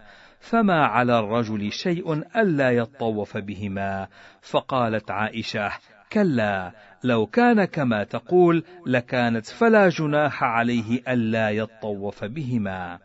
إنما أنزلت هذه الآية في الأنصار كانوا يهلون لمناه وكانت مناة حذو قديد وكانوا يتحرجون أن يطوفوا بين الصفا والمروة. فلما جاء الإسلام سألوا رسول الله صلى الله عليه وسلم عن ذلك فأنزل الله تبارك وتعالى إن الصفا والمروة من شعائر الله فمن حج البيت أو اعتمر فلا جناح عليه أن يطوف بهما. وحدثني عن مالك عن هشام بن عروة أن سودة بنت عبد الله بن عمر كانت عند عروة بن الزبير فخرجت تطوف بين الصفا والمروة في حج أو عمرة ماشية. وكانت امرأة ثقيلة فجاءت حين انصرف الناس من العشاء فلم تقض طوافها حتى نودي بالأولى من الصبح فقضت طوافها فيما بينها وبينه وكان عروة إذا رآهم يطوفون على الدواب ينهاهم أشد النهي فيعتلون بالمرض حياء منه فيقول لنا فيما بيننا وبينه لقد خاب هؤلاء وخسروا. قال مالك من نسي السعي بين الصفا والمروة في عمرة فلم يذكر حتى يستبعد من مكة أنه يرجع فيسعى وإن كان قد أصاب النساء فليرجع فليسعى بين الصفا والمروة حتى يتم ما بقي عليه من تلك العمرة ثم عليه عمرة أخرى والهدي. وسئل مالك عن الرجل يلقاه الرجل بين الصفا والمروة فيقف معه يحدثه فقال لا أحب له ذلك. قال مالك ومن نسي من طوافه شيئا أو شك فيه فلم يذكر إلا وهو يسعى بين الصفا والمروة فإنه يقطع سعيه ثم يتم طوافه بالبيت على ما يستيقن ويركع ركعتي الطواف ثم يبتدئ سعيه بين الصفا والمروة. وحدثني عن مالك عن جعفر بن محمد عن أبيه عن جابر بن عبد الله أن رسول الله صلى الله عليه وسلم كان إذا نزل من الصفا والمروة مشى حتى إذا انصبت قدماه في بطن الوادي سعى حتى يخرج منه. قال مالك في رجل جهل فبدأ بالسعي بين الصفا والمروة قبل أن يطوف بالبيت ليرجع فليطف بالبيت ثم ليسعى بين الصفا والمروة وإن جهل ذلك حتى يخرج من مكة ويستبعد فإنه يرجع إلى مكة فيطوف بالبيت ويسعى بين الصفا والمروة. وإن كان أصاب النساء رجع فطاف بالبيت وسعى بين الصفا والمروة حتى يتم ما بقي عليه من تلك العمرة ثم عليه عمرة أخرى والهدي. باب صيام يوم عرفة. حدثني يحيى عن مالك عن أبي النضر مولى عمر بن عبيد الله عن عمير مولى عبد الله بن عباس عن أم الفضل بنت الحارث أن ناسا تماروا عندها يوم عرفة في صيام رسول الله صلى الله عليه وسلم، فقال بعضهم هو صائم، وقال بعضهم ليس بصائم، فأرسلت إليه بقدح لبن وهو واقف على بعيره فشرب. وحدثني عن مالك عن يحيى بن سعيد عن القاسم بن محمد أن عائشة أم المؤمنين كانت تصوم يوم عرفة قال القاسم ولقد رأيتها عشية عرفة يدفع الإمام ثم تقف حتى يبيض ما بينها وبين الناس من الأرض ثم تدعو بشراب فتفطر. باب ما جاء في صيام أيام منى. حدثني يحيى عن مالك عن أبي النضر مولى عمر بن عبيد الله عن سليمان بن يسار أن رسول الله صلى الله عليه وسلم نهى عن صيام أيام منى. وحدثني عن مالك عن ابن شهاب أن رسول الله صلى الله عليه وسلم بعث عبد الله بن حذافة أيام منى يطوف يقول: إنما هي أيام أكل وشرب وذكر الله. وحدثني عن مالك عن محمد بن يحيى بن حبان عن الأعرج عن أبي هريرة أن رسول الله صلى الله عليه وسلم نهى عن صيام يومين يوم الفطر ويوم الأضحى. وحدثني عن مالك عن يزيد بن عبد الله بن الهادي عن أبي مرة مولى أم هانئ أخت عقيل بن أبي طالب عن عبد الله بن عمرو بن العاص أنه أخبره أنه دخل على أبيه عمرو بن العاص فوجده يأكل. قال فدعاني. قال فقلت له إني صائم. فقال هذه الأيام التي نهانا رسول الله صلى الله عليه وسلم عن صيامهن وأمرنا بفطرهن. قال مالك هي أيام التشريق. باب ما يجوز من الهدي. حدثني يحيى عن مالك عن نافع عن عبد الله بن أبي بكر بن محمد بن عمرو بن حزم أن رسول الله صلى الله عليه وسلم أهدى جملا كان لأبي جهل بن هشام في حج أو عمرة. وحدثني عن مالك عن أبي الزناد عن الأعرج عن أبي هريرة أن رسول الله صلى الله عليه وسلم رأى رجلا يسوق بدنه فقال اركبها. فقال يا رسول الله إنها بدنه فقال اركبها ويلك في الثانية أو الثالثة. وحدثني عن مالك عن عبد الله بن دينار أنه كان يرى عبد الله بن عمر يهدي في الحج بدنتين بدنتين وفي العمرة بدنة بدنة قال ورأيته في العمرة ينحر بدنة وهي قائمة في دار خالد بن أسيد وكان فيها منزله. قال ولقد رأيته طعن في لبة بدنته حتى خرجت الحربة من تحت كتفها. وحدثني عن مالك عن يحيى بن سعيد أن عمر بن عبد العزيز أهدى جملا في حج أو عمرة. وحدثني عن مالك عن أبي جعفر القارئ أن عبد الله بن عياش بن أبي ربيعة المخزومي أهدى بدنتين إحداهما بختية. وحدثني عن مالك عن نافع أن عبد الله بن عمر كان يقول إذا نتجت الناقة فليحمل ولدها حتى ينحر معها فإن لم يوجد له محمل حمل على أمه حتى ينحر معها. وحدثني عن مالك عن هشام بن عروة أن أباه قال إذا اضطررت إلى بدنتك فاركبها ركوبا غير فادح وإذا اضطررت إلى لبنها فاشرب بعدما يروى فصيلها فإذا نحرتها فانحر فصيلها معها. باب العمل في الهدي حين يساق.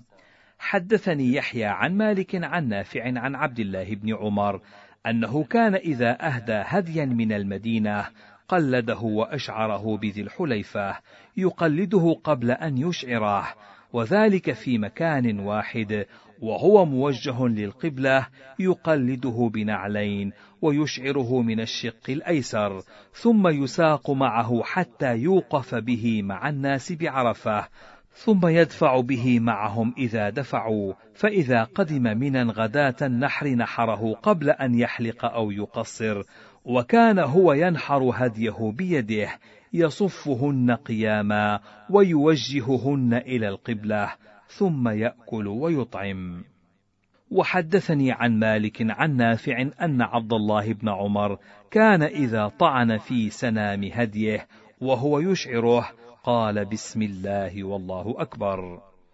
وحدثني عن مالك عن نافع أن عبد الله بن عمر كان يقول الهدي ما قلد وأشعر ووقف به بعرفة. وحدثني عن مالك عن نافع أن عبد الله بن عمر كان يجلل بدنه القباطي والأنماط والحلل ثم يبعث بها إلى الكعبة فيكسوها إياها. وحدثني عن مالك أنه سأل عبد الله بن دينار ما كان عبد الله بن عمر يصنع بجلال بدنه حين كسيت الكعبة هذه الكسوة قال كان يتصدق بها. وحدثني عن مالك عن نافع أن عبد الله بن عمر كان يقول في الضحايا والبدن الثني فما فوقه وحدثني عن مالك عن نافع أن عبد الله بن عمر كان لا يشق جلال بدنه ولا يجللها حتى يغدو من منى إلى عرفة. وحدثني عن مالك عن هشام بن عروة عن أبيه أنه كان يقول لبنيه يا بني لا يهدين أحدكم من البدن شيئا يستحيي أن يهديه لكريمه فإن الله أكرم الكرماء وأحق من اختير له. باب العمل في الهدي إذا عطب أو ضل. حدثني يحيى عن مالك عن هشام بن عروة عن أبيه أن صاحب هدي رسول الله صلى الله عليه وسلم قال يا رسول الله كيف أصنع بما عطب من الهدي؟ فقال له رسول الله صلى الله عليه وسلم كل بدنة عطبت من الهدي فانحرها ثم ألق قلادتها في دمها ثم خل بينها وبين الناس يأكلونها. وحدثني عن مالك عن ابن شهاب عن سعيد بن المسيب أنه قال من ساق بدنة تطوعا فعطبت فنحرها ثم خلى بينها وبين الناس يأكلونها فليس عليه شيء وإن أكل منها أو أمر من يأكل منها غرمها. وحدثني عن مالك عن ثور بن زيد الديلي عن عبد الله بن عباس مثل ذلك وحدثني عن مالك عن ابن شهاب أنه قال من أهدى بدنة جزاء أو نذرا أو هدي تمتع فأصيبت في الطريق فعليه البدل. وحدثني عن مالك عن نافع عن عبد الله بن عمر أنه قال من أهدى بدنة ثم ضلت أو ماتت فإنها إن كانت نذرا أبدلها وإن كانت تطوعا فإن شاء أبدلها وإن شاء تركها. وحدثني عن مالك أنه سمع أهل العلم يقولون لا يأكل صاحب الهدي من الجزاء والنسك. باب هدي المحرم إذا أصاب أهله. حدثني يحيى عن مالك أنه بلغه أن عمر بن الخطاب وعلي بن أبي طالب وأبا هريرة سئلوا عن رجل أصاب أهله وهو محرم بالحج فقالوا ينفذان يمضيان لوجههما حتى يقضيا حجهما ثم عليهما حج قابل والهدي. قال وقال علي بن أبي طالب وإذا أهلا بالحج من عام قابل تفرقا حتى يقضيا حجهما. وحدثني عن مالك عن يحيى بن سعيد أنه سمع سعيد بن المسيب يقول ما ترون في رجل وقع بامرأته وهو محرم فلم يقل له القوم شيئا. فقال سعيد إن رجلا وقع بامرأته وهو محرم فبعث إلى المدينة يسأل عن ذلك. فقال بعض الناس يفرق بينهما إلى عام قابل. فقال سعيد بن المسيب لينفذا لوجههما فليتما حجهما الذي أفسداه. فإذا فرغا رجعا فإن أدركهما حج قابل فعليهما الحج والهدي ويهلان من حيث أهلا بحجهما الذي أفسداه. ويتفرقان حتى يقضيا حجهما. قال مالك يهديان جميعا بدنة بدنة. قال مالك في رجل وقع بامرأته في الحج ما بينه وبين أن يدفع من عرفة ويرمي الجمرة. إنه يجب عليه الهدي وحج قابل. قال فإن كانت إصابته أهله بعد رمي الجمرة فإنما عليه أن يعتمر ويهدي وليس عليه حج قابل. قال مالك والذي يفسد الحج أو العمرة حتى يجب عليه في ذلك الهدي في الحج أو العمرة التقاء الختانين وإن لم يكن ماء دافق. قال ويوجب ذلك أيضا الماء الدافق إذا كان من مباشرة. فأما رجل ذكر شيئا حتى خرج منه ماء دافق فلا أرى عليه شيئا. ولو أن رجلا قبل امرأته ولم يكن من ذلك ماء دافق لم يكن عليه في القبلة إلا الهدي وليس على المرأة التي يصيبها زوجها وهي محرمة مرارا في الحج أو العمرة وهي له في ذلك مطاوعة إلا الهدي وحج قابل. إن أصابها في الحج وإن كان أصابها في العمرة فإنما عليها قضاء العمرة التي أفسدت والهدي باب هدي من فاته الحج. حدثني يحيى عن مالك عن يحيى بن سعيد أنه قال أخبرني سليمان بن يسار أن أبا أيوب الأنصاري خرج حاجا حتى إذا كان بالنازية من طريق مكة أضل رواحله. وإنه قدم على عمر بن الخطاب يوم النحر فذكر ذلك له فقال عمر اصنع كما يصنع المعتمر ثم قد حللت. فإذا أدركك الحج قابلا فاحجج واهد ما استيسر من الهدي.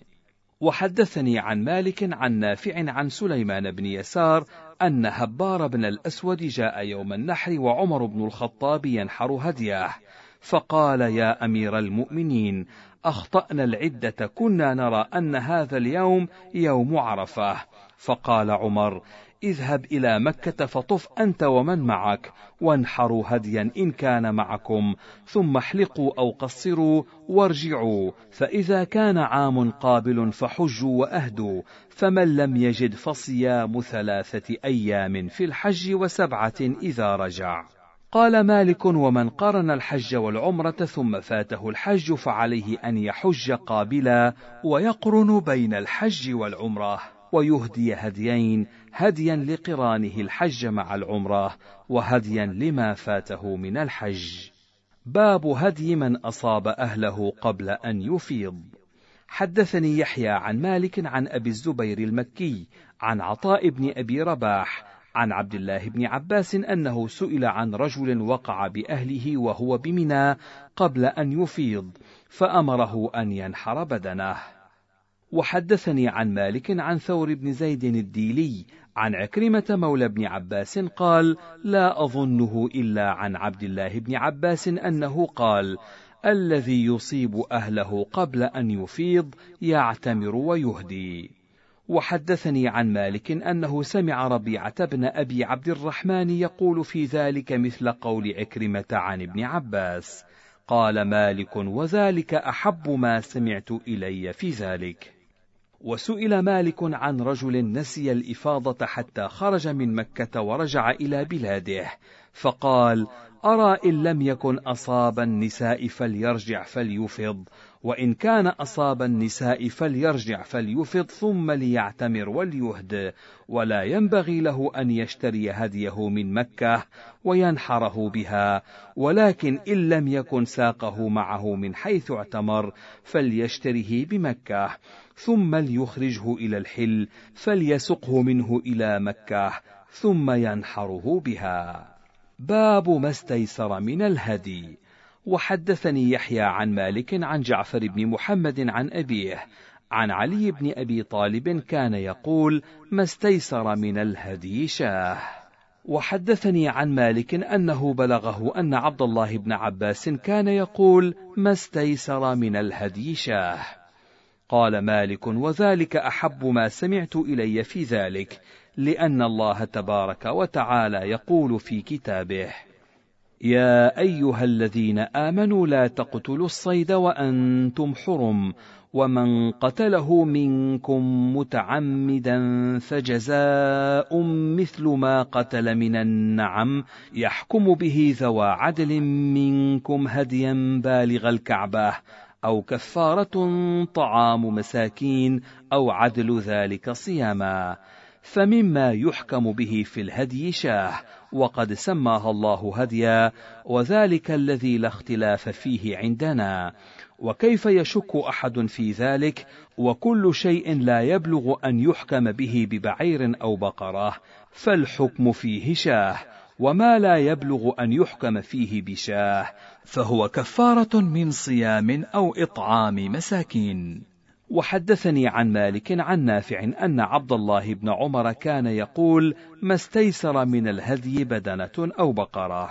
وحدثني عن مالك عن عبد الله بن أبي بكر أن مولاة لعمرة بنت عبد الرحمن يقال لها رقية أخبرته أنها خرجت مع عمرة بنت عبد الرحمن إلى مكة قالت: فدخلت عمرة مكة يوم التروية وأنا معها، فطافت بالبيت وبين الصفا والمروة، ثم دخلت صفة المسجد فقالت: أمعك مقصان؟ فقلت لا، فقالت: فالتمسيه لي، فالتمسته حتى جئت به، فأخذت من قرون رأسها، فلما كان يوم النحر ذبحت شاه. باب جامع الهدي حدثني يحيى عن مالك عن صدقة بن يسار المكي أن رجلا من أهل اليمن جاء إلى عبد الله بن عمر وقد ضفر رأسه فقال يا أبا عبد الرحمن إني قدمت بعمرة مفردة فقال له عبد الله بن عمر لو كنت معك أو سألتني لأمرتك أن تقرن فقال اليماني قد كان ذلك فقال عبد الله بن عمر خذ ما تطاير من رأسك وأهدي. فقالت امرأة من أهل العراق ما هديه يا أبا عبد الرحمن؟ فقال هديه. فقالت له ما هديه؟ فقال عبد الله بن عمر لو لم أجد إلا أن أذبح شاة لكان أحب إلي من أن أصوم. وحدثني عن مالك عن نافع أن عبد الله بن عمر كان يقول المرأة المحرمة إذا حلت لم تمتشط حتى تأخذ من قرون رأسها، وإن كان لها هدي لم تأخذ من شعرها شيئا حتى تنحر هديها. وحدثني عن مالك أنه سمع بعض أهل العلم يقول: لا يشترك الرجل وامرأته في بدنة واحدة، ليهدي كل واحد منهما بدنة بدنة. وسئل مالك عمن بعث معه بهدي ينحره في حج وهو مهل بعمرة. هل ينحره إذا حل أم يؤخره حتى ينحره في الحج ويحل هو من عمرته؟ فقال بل يؤخره حتى ينحره في الحج ويحل هو من عمرته. قال مالك والذي يحكم عليه بالهدي في قتل الصيد أو يجب عليه هدي في غير ذلك فإن هديه لا يكون إلا بمكة كما قال الله تبارك وتعالى هديا بالغ الكعبة. وأما ما عدل به الهدي من الصيام أو الصدقة فإن ذلك يكون بغير مكة حيث أحب صاحبه أن يفعله فعله. وحدثني عن مالك عن يحيى بن سعيد عن يعقوب بن خالد المخزومي عن أبي أسماء مولى عبد الله بن جعفر أنه أخبره أنه كان مع عبد الله بن جعفر فخرج معه من المدينة فمروا على حسين بن علي وهو مريض بالسقيا فأقام عليه عبد الله بن جعفر حتى إذا خاف الفوات خرج وبعث إلى علي بن أبي طالب وأسماء بنت عميس وهما بالمدينة فقدما عليه ثم إن حسينا أشار إلى رأسه فأمر علي برأسه فحلق ثم نسك عنه بالسقيا فنحر عنه بعيرا. قال يحيى بن سعيد وكان حسين خرج مع عثمان بن عفان في سفره ذلك إلى مكة. باب الوقوف بعرفة والمزدلفة. حدثني يحيى عن مالك أنه بلغه أن رسول الله صلى الله عليه وسلم قال عرفة كلها موقف وارتفعوا عن بطن عرنه والمزدلفة كلها موقف وارتفعوا عن بطن محسر. وحدثني عن مالك عن هشام بن عروة عن عبد الله بن الزبير أنه كان يقول: اعلموا أن عرفة كلها موقف إلا بطن عرنة، وأن المزدلفة كلها موقف إلا بطن محسر. قال مالك قال الله تبارك وتعالى: فلا رفث ولا فسوق ولا جدال في الحج. قال فالرفث إصابة النساء والله أعلم. قال الله تبارك وتعالى: أحل لكم ليلة الصيام الرفث إلى نسائكم قال والفسوق الذبح للأنصاب والله أعلم قال تبارك وتعالى أو فسقا أهل لغير الله به. قال والجدال في الحج أن قريشا كانت تقف عند المشعر الحرام بالمزدلفة بقزح. وكانت العرب وغيرهم يقفون بعرفه فكانوا يتجادلون. يقول هؤلاء نحن أصوب ويقول هؤلاء نحن أصوب. فقال الله تعالى لكل أمة جعلنا منسكا هم ناسكوه. فلا ينازعنك في الأمر. وادع إلى ربك إنك لعلى هدى مستقيم. فهذا الجدال فيما نرى والله أعلم وقد سمعت ذلك من أهل العلم. باب وقوف الرجل وهو غير طاهر ووقوفه على دابته. سئل مالك هل يقف الرجل بعرفة أو بالمزدلفة أو يرمي الجمار أو يسعى بين الصفا والمروة وهو غير طاهر. فقال كل أمر تصنعه الحائض من أمر الحج فالرجل يصنعه وهو غير طاهر. ثم لا يكون عليه شيء في ذلك ولكن الفضل أن يكون الرجل في ذلك كله طاهرا ولا ينبغي له أن يتعمد ذلك. وسئل مالك عن الوقوف بعرفة للراكب أينزل أم يقف راكبا؟ قال بل يقف راكبا إلا أن يكون به أو بدابته علة فالله أعذر بالعذر. باب وقوف من فاته الحج بعرفة. حدثني يحيى عن مالك عن نافع أن عبد الله بن عمر كان يقول: من لم يقف بعرفة من ليلة المزدلفة قبل أن يطلع الفجر فقد فاته الحج ومن وقف بعرفة من ليلة المزدلفة من قبل أن يطلع الفجر فقد أدرك الحج. وحدثني عن مالك عن هشام بن عروة عن أبيه أنه قال: من أدركه الفجر من ليلة المزدلفة ولم يقف بعرفة فقد فاته الحج، ومن وقف بعرفة من ليلة المزدلفة قبل أن يطلع الفجر فقد أدرك الحج.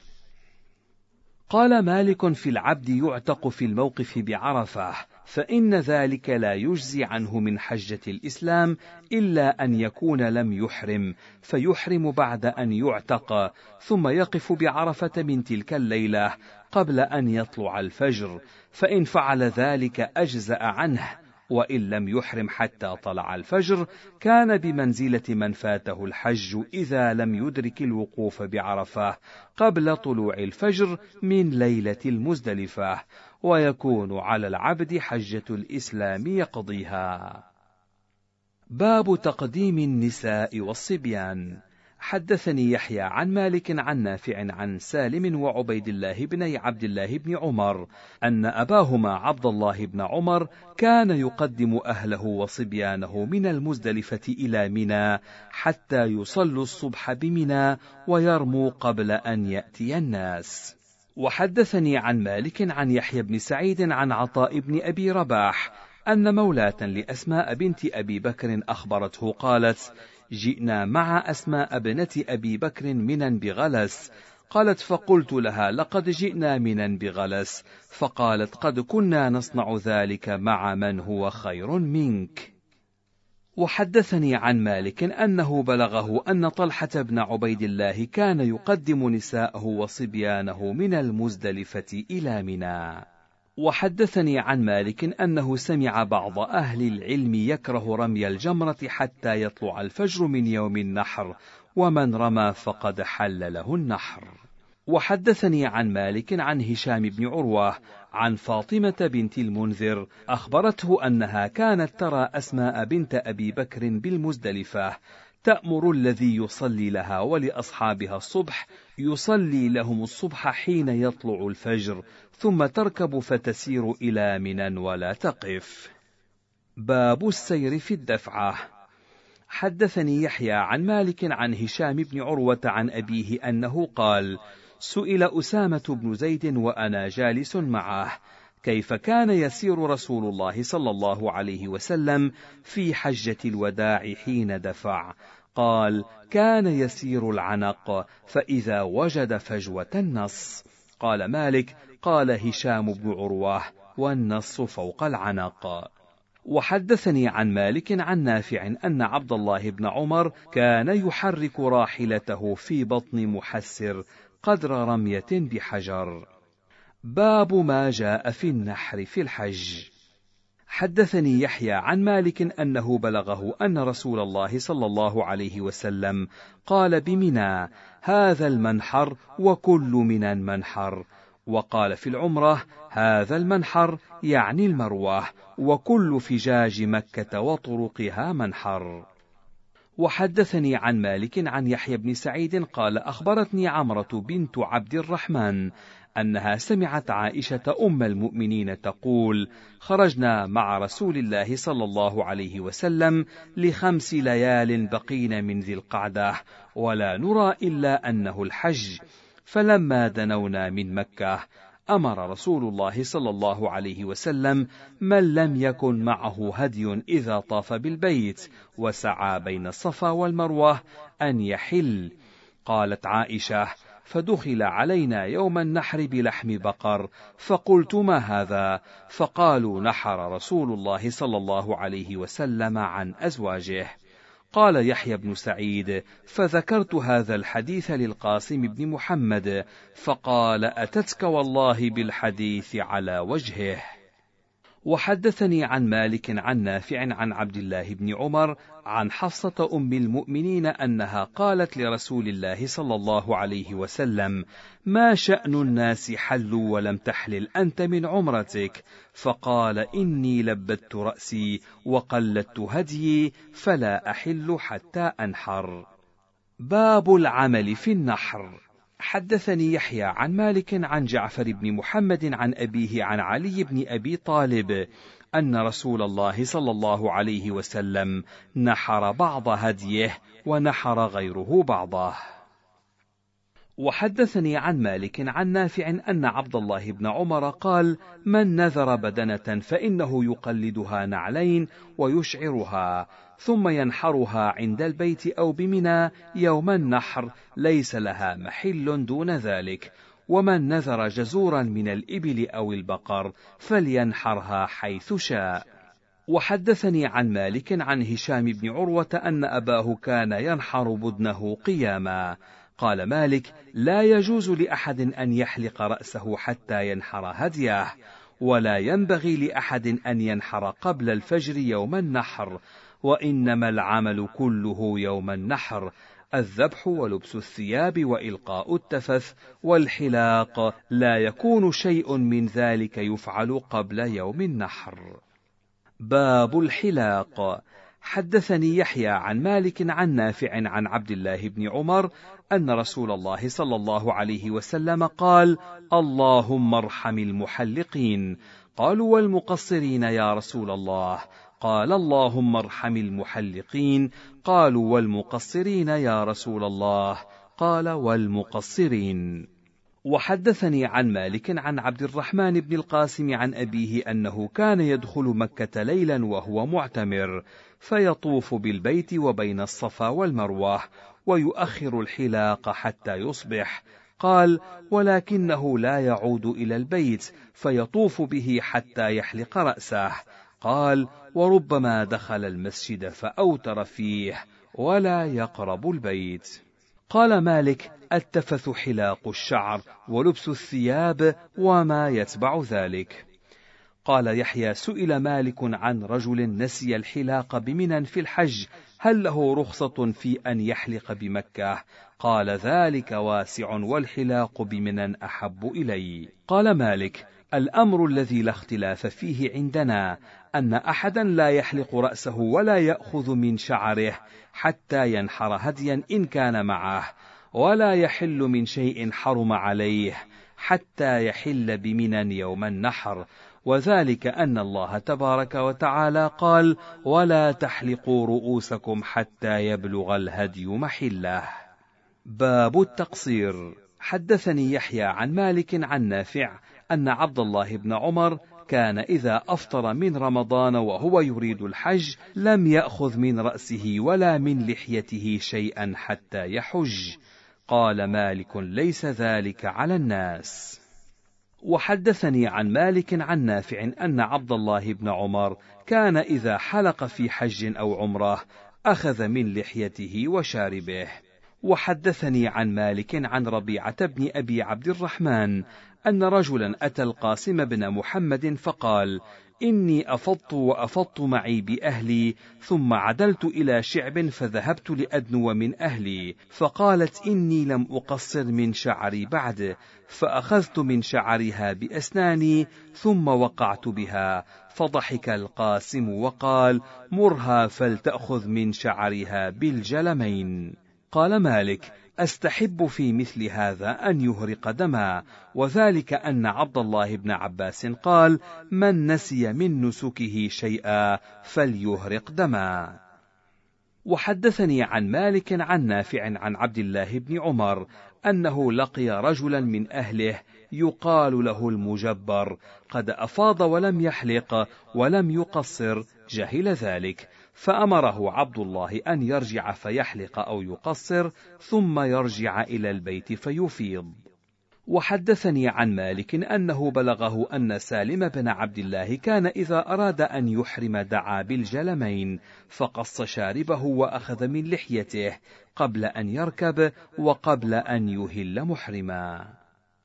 باب التلبيد حدثني يحيى عن مالك عن نافع عن عبد الله بن عمر أن عمر بن الخطاب قال: من ضفر رأسه فليحلق ولا تشبهوا بالتلبيد. وحدثني عن مالك عن يحيى بن سعيد عن سعيد بن المسيب أن عمر بن الخطاب قال: من عقص رأسه أو ضفر أو لبد فقد وجب عليه الحلاق. باب الصلاة في البيت وقصر الصلاة وتعجيل الخطبة بعرفة. حدثني يحيى عن مالك عن نافع عن عبد الله بن عمر أن رسول الله صلى الله عليه وسلم دخل الكعبة هو وأسامة بن زيد وبلال بن رباح وعثمان بن طلحة الحجبي فأغلقها عليه ومكث فيها. قال عبد الله فسألت بلالا حين خرج ما صنع رسول الله صلى الله عليه وسلم فقال جعل عمودا عن يمينه وعمودين عن يساره وثلاثة أعمدة وراءه وكان البيت يومئذ على ستة أعمدة ثم صلى. وحدثني عن مالك عن ابن شهاب عن سالم بن عبد الله أنه قال كتب عبد الملك بن مروان إلى الحجاج بن يوسف ألا تخالف عبد الله بن عمر في شيء من أمر الحج. قال فلما كان يوم عرفة جاءه عبد الله بن عمر حين زالت الشمس وأنا معه فصاح به عند سرادقه أين هذا؟ فخرج عليه الحجاج وعليه ملحفة معصفرة. فقال ما لك يا أبا عبد الرحمن؟ فقال الرواح إن كنت تريد السنة. فقال أهذه الساعة؟ قال نعم. قال فأنظرني حتى أفيض علي ماء ثم أخرج. فنزل عبد الله حتى خرج الحجاج فسار بيني وبين أبي. فقلت له إن كنت تريد أن تصيب السنة اليوم فاقصر الخطبة وعجل الصلاة. قال فجعل الحجاج ينظر إلى عبد الله بن عمر كيما يسمع ذلك منه. فلما رأى ذلك عبد الله قال صدق سالم. باب الصلاة بمنى يوم التروية والجمعة بمنى وعرفة. حدثني يحيى عن مالك عن نافع أن عبد الله بن عمر كان يصلي الظهر والعصر والمغرب والعشاء والصبح بمنى ثم يغدو إذا طلعت الشمس إلى عرفة. قال مالك والأمر الذي لا اختلاف فيه عندنا أن الإمام لا يجهر بالقرآن في الظهر يوم عرفة وأنه يخطب الناس يوم عرفة وأن الصلاة يوم عرفة إنما هي ظهر وإن وافقت الجمعة فإنما هي ظهر ولكنها قصرت من أجل السفر قال مالك في إمام الحاج إذا وافق يوم الجمعة يوم عرفة أو يوم النحر أو بعض أيام التشريق إنه لا يجمع في شيء من تلك الأيام. باب صلاة المزدلفة حدثني يحيى عن مالك عن ابن شهاب عن سالم بن عبد الله عن عبد الله بن عمر أن رسول الله صلى الله عليه وسلم صلى المغرب والعشاء بالمزدلفة جميعا. وحدثني عن مالك عن موسى بن عقبة عن كريب مولى بن عباس عن أسامة بن زيد أنه سمعه يقول: دفع رسول الله صلى الله عليه وسلم من عرفة حتى إذا كان بالشعب نزل فبال فتوضأ فلم يسبغ الوضوء. فقلت له الصلاة يا رسول الله. فقال الصلاة أمامك.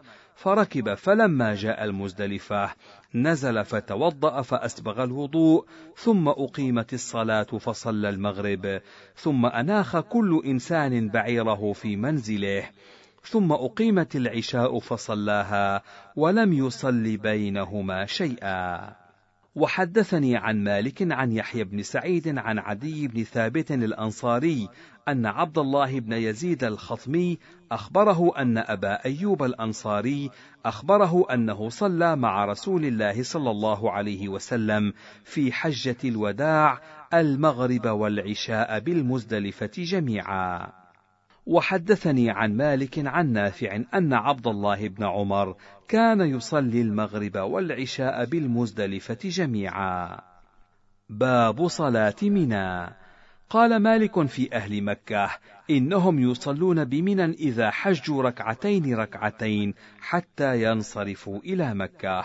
وحدثني يحيى عن مالك عن هشام بن عروة عن أبيه أن رسول الله صلى الله عليه وسلم صلى الصلاة الرباعية بمنى ركعتين، وأن أبا بكر صلاها بمنى ركعتين، وأن عمر بن الخطاب صلاها بمنى ركعتين، وأن عثمان صلاها بمنى ركعتين شطر إمارته، ثم أتمها بعد. وحدثني عن مالك عن ابن شهاب عن سعيد بن المسيب أن عمر بن الخطاب لما قدم مكة صلى بهم ركعتين ثم انصرف فقال يا أهل مكة أتموا صلاتكم فإنا قوم سفر. ثم صلى عمر بن الخطاب ركعتين بمنى ولم يبلغنا أنه قال لهم شيئا.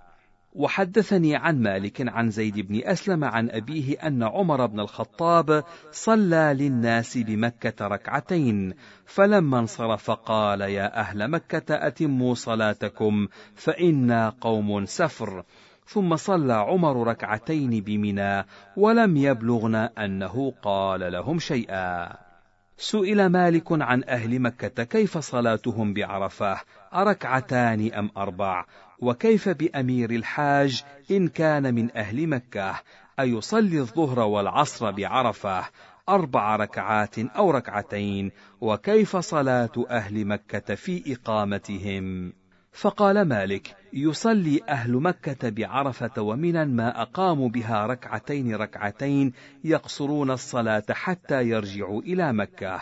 قال وأمير الحاج أيضا إذا كان من أهل مكة قصر الصلاة بعرفة وأيام منى وإن كان أحد ساكنا بمنى مقيما بها فإن ذلك يتم الصلاة بمنى وإن كان أحد ساكنا بعرفة مقيما بها فإن ذلك يتم الصلاة بها أيضا. باب صلاة المقيم بمكة ومنى. حدثني يحيى عن مالك أنه قال من قدم مكة لهلال ذي الحجة فأهل بالحج فإنه يتم الصلاة حتى يخرج من مكة لمنى فيقصر وذلك أنه قد أجمع على مقام أكثر من أربع ليال. باب تكبير أيام التشريق. حدثني يحيى عن مالك عن يحيى بن سعيد أنه بلغه أن عمر بن الخطاب خرج الغد من يوم النحر حين ارتفع النهار شيئا فكبر فكبر الناس بتكبيره ثم خرج الثانية من يومه ذلك بعد ارتفاع النهار فكبر فكبر الناس بتكبيره ثم خرج الثالثة حين زاغت الشمس فكبر فكبر الناس بتكبيره وحتى يتصل التكبير ويبلغ البيت فيعلم أن عمر قد خرج يرمي. قال مالك: الأمر عندنا أن التكبير في أيام التشريق دبر الصلوات، وأول ذلك تكبير الإمام والناس معه دبر صلاة الظهر من يوم النحر، وآخر ذلك تكبير الإمام والناس معه دبر صلاة الصبح من آخر أيام التشريق، ثم يقطع التكبير. قال مالك والتكبير في أيام التشريق على الرجال والنساء من كان في جماعة أو وحده بمنى أو بالآفاق كلها واجب وإنما يأتم الناس في ذلك بإمام الحج وبالناس بمنى لأنهم إذا رجعوا وانقضى الإحرام ائتموا بهم حتى يكونوا مثلهم في الحل. فأما من لم يكن حاجا فإنه لا يأتم بهم إلا في تكبير أيام التشريق. قال مالك الأيام المعدودات أيام التشريق. باب صلاة المعرس والمحصب. حدثني يحيى عن مالك عن نافع عن عبد الله بن عمر أن رسول الله صلى الله عليه وسلم أناخ بالبطحاء التي بذي الحليفة فصلى بها. قال نافع وكان عبد الله بن عمر يفعل ذلك. قال مالك لا ينبغي لأحد أن يجاوز المعرس إذا قفل حتى يصلي فيه وإن مر به في غير وقت صلاه فليقم حتى تحل الصلاه ثم صلى ما بدا له لأنه بلغني أن رسول الله صلى الله عليه وسلم عرس به وأن عبد الله بن عمر أناخ به. وحدثني عن مالك عن نافع أن عبد الله بن عمر كان يصلي الظهر والعصر والمغرب والعشاء بالمحصب ثم يدخل مكة من الليل فيطوف بالبيت. باب البيتوتة بمكة ليالي منى. حدثني يحيى عن مالك عن نافع أنه قال: زعموا أن عمر بن الخطاب كان يبعث رجالا يدخلون الناس من وراء العقبة.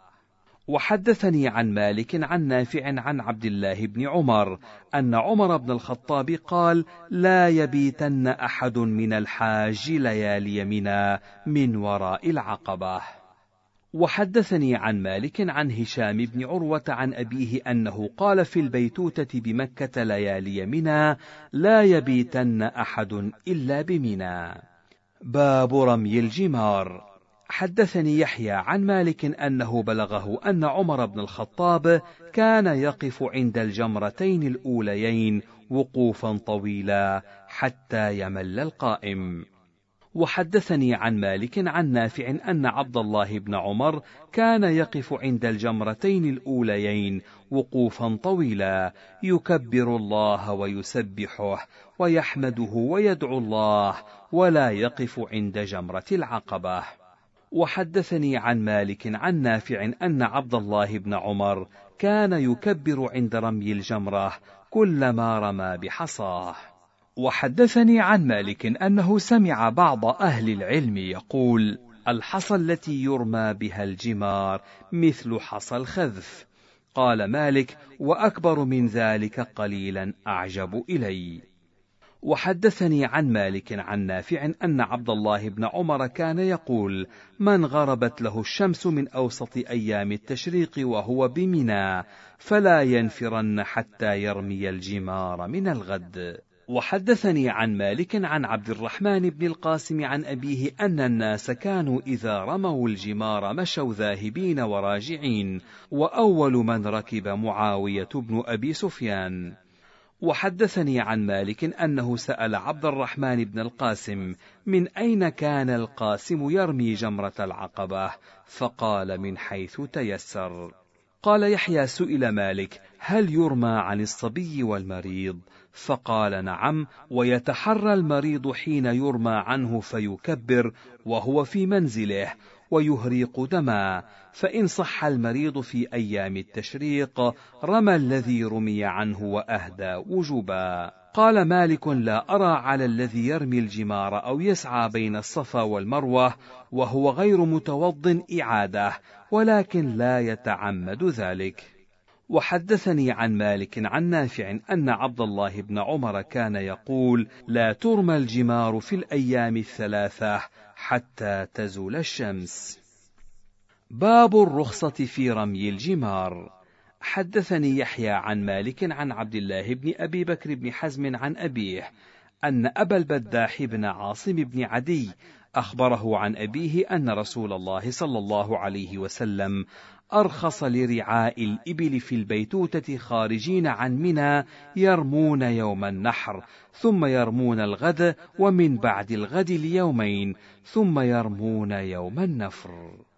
وحدثني عن مالك عن يحيى بن سعيد عن عطاء بن أبي رباح أنه سمعه يذكر أنه أرخص للرعاء أن يرموا بالليل يقول في الزمان الأول. قال مالك تفسير الحديث الذي أرخص فيه رسول الله صلى الله عليه وسلم لرعاء الإبل في تأخير رمي الجمار فيما نرى والله أعلم أنهم يرمون يوم النحر فإذا مضى اليوم الذي يلي يوم النحر رموا من الغد وذلك يوم النفر الأول فيرمون لليوم الذي مضى ثم يرمون ليومهم ذلك لأنه لا يقضي أحد شيئا حتى يجب عليه. فإذا وجب عليه ومضى كان القضاء بعد ذلك. فإن بدا لهم النفر فقد فرغوا وإن أقاموا إلى الغد رموا مع الناس يوم النفر الآخر ونفروا. وحدثني عن مالك عن أبي بكر بن نافع عن أبيه أن ابنة أخ لصفية بنت أبي عبيد نفست بالمزدلفة فتخلفت هي وصفية حتى أتتا منى بعد أن غربت الشمس من يوم النحر. فأمرهما عبد الله بن عمر أن ترميا الجمرة حين أتتا ولم ير عليهما شيئا. قال يحيى سئل مالك عمن نسي جمرة من الجمار في بعض أيام منى حتى يمسي قال ليرمي أي ساعة ذكر من ليل أو نهار كما يصلي الصلاة إذا نسيها ثم ذكرها ليلا أو نهارا. فإن كان ذلك بعدما صدر وهو بمكة أو بعدما يخرج منها فعليه الهدي واجب. باب الإفاضة. حدثني يحيى عن مالك عن نافع وعبد الله بن دينار عن عبد الله بن عمر أن عمر بن الخطاب خطب الناس بعرفة وعلمهم أمر الحج وقال لهم فيما قال إذا جئتم منا فمن رمى الجمرة فقد حل له ما حرم على الحاج إلا النساء والطيب لا يمس أحد نساء ولا طيبا حتى يطوف بالبيت. وحدثني عن مالك عن نافع وعبد الله بن دينار عن عبد الله بن عمر أن عمر بن الخطاب قال: من رمى الجمرة ثم حلق أو قصر ونحر هديا إن كان معه فقد حل له ما حرم عليه إلا النساء والطيب حتى يطوف بالبيت.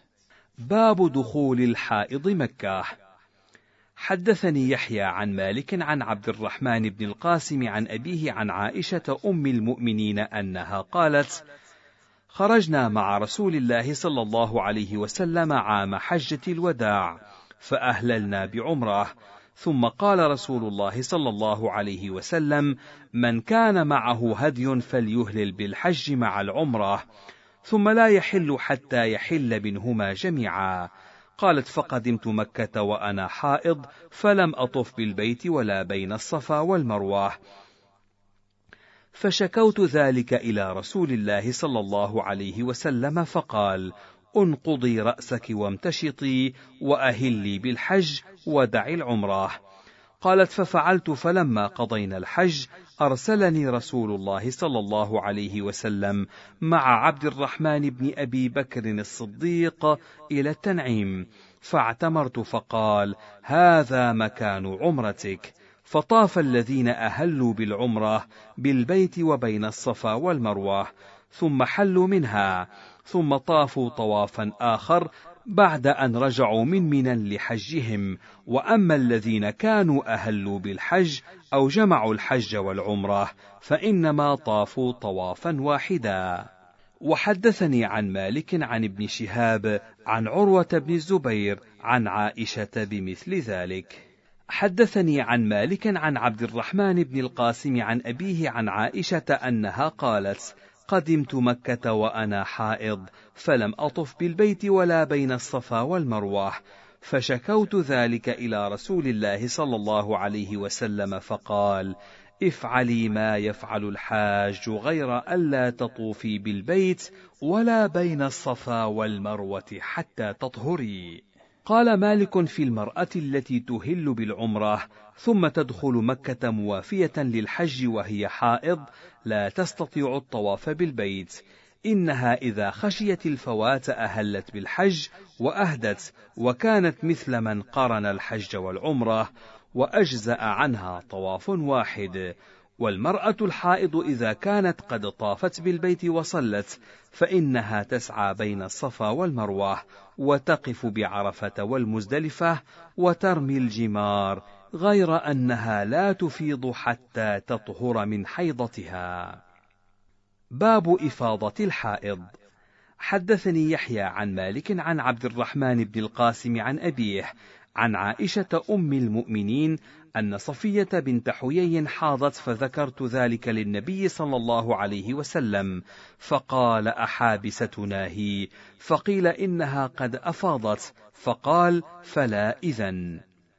وحدثني عن مالك عن عبد الله بن أبي بكر بن حزم عن أبيه عن عمرة بنت عبد الرحمن عن عائشة أم المؤمنين أنها قالت لرسول الله صلى الله عليه وسلم يا رسول الله إن صفية بنت حيي قد حاضت فقال رسول الله صلى الله عليه وسلم لعلها تحبسنا ألم تكن طافت معكن بالبيت؟ قلن بلى. قال فاخرجن.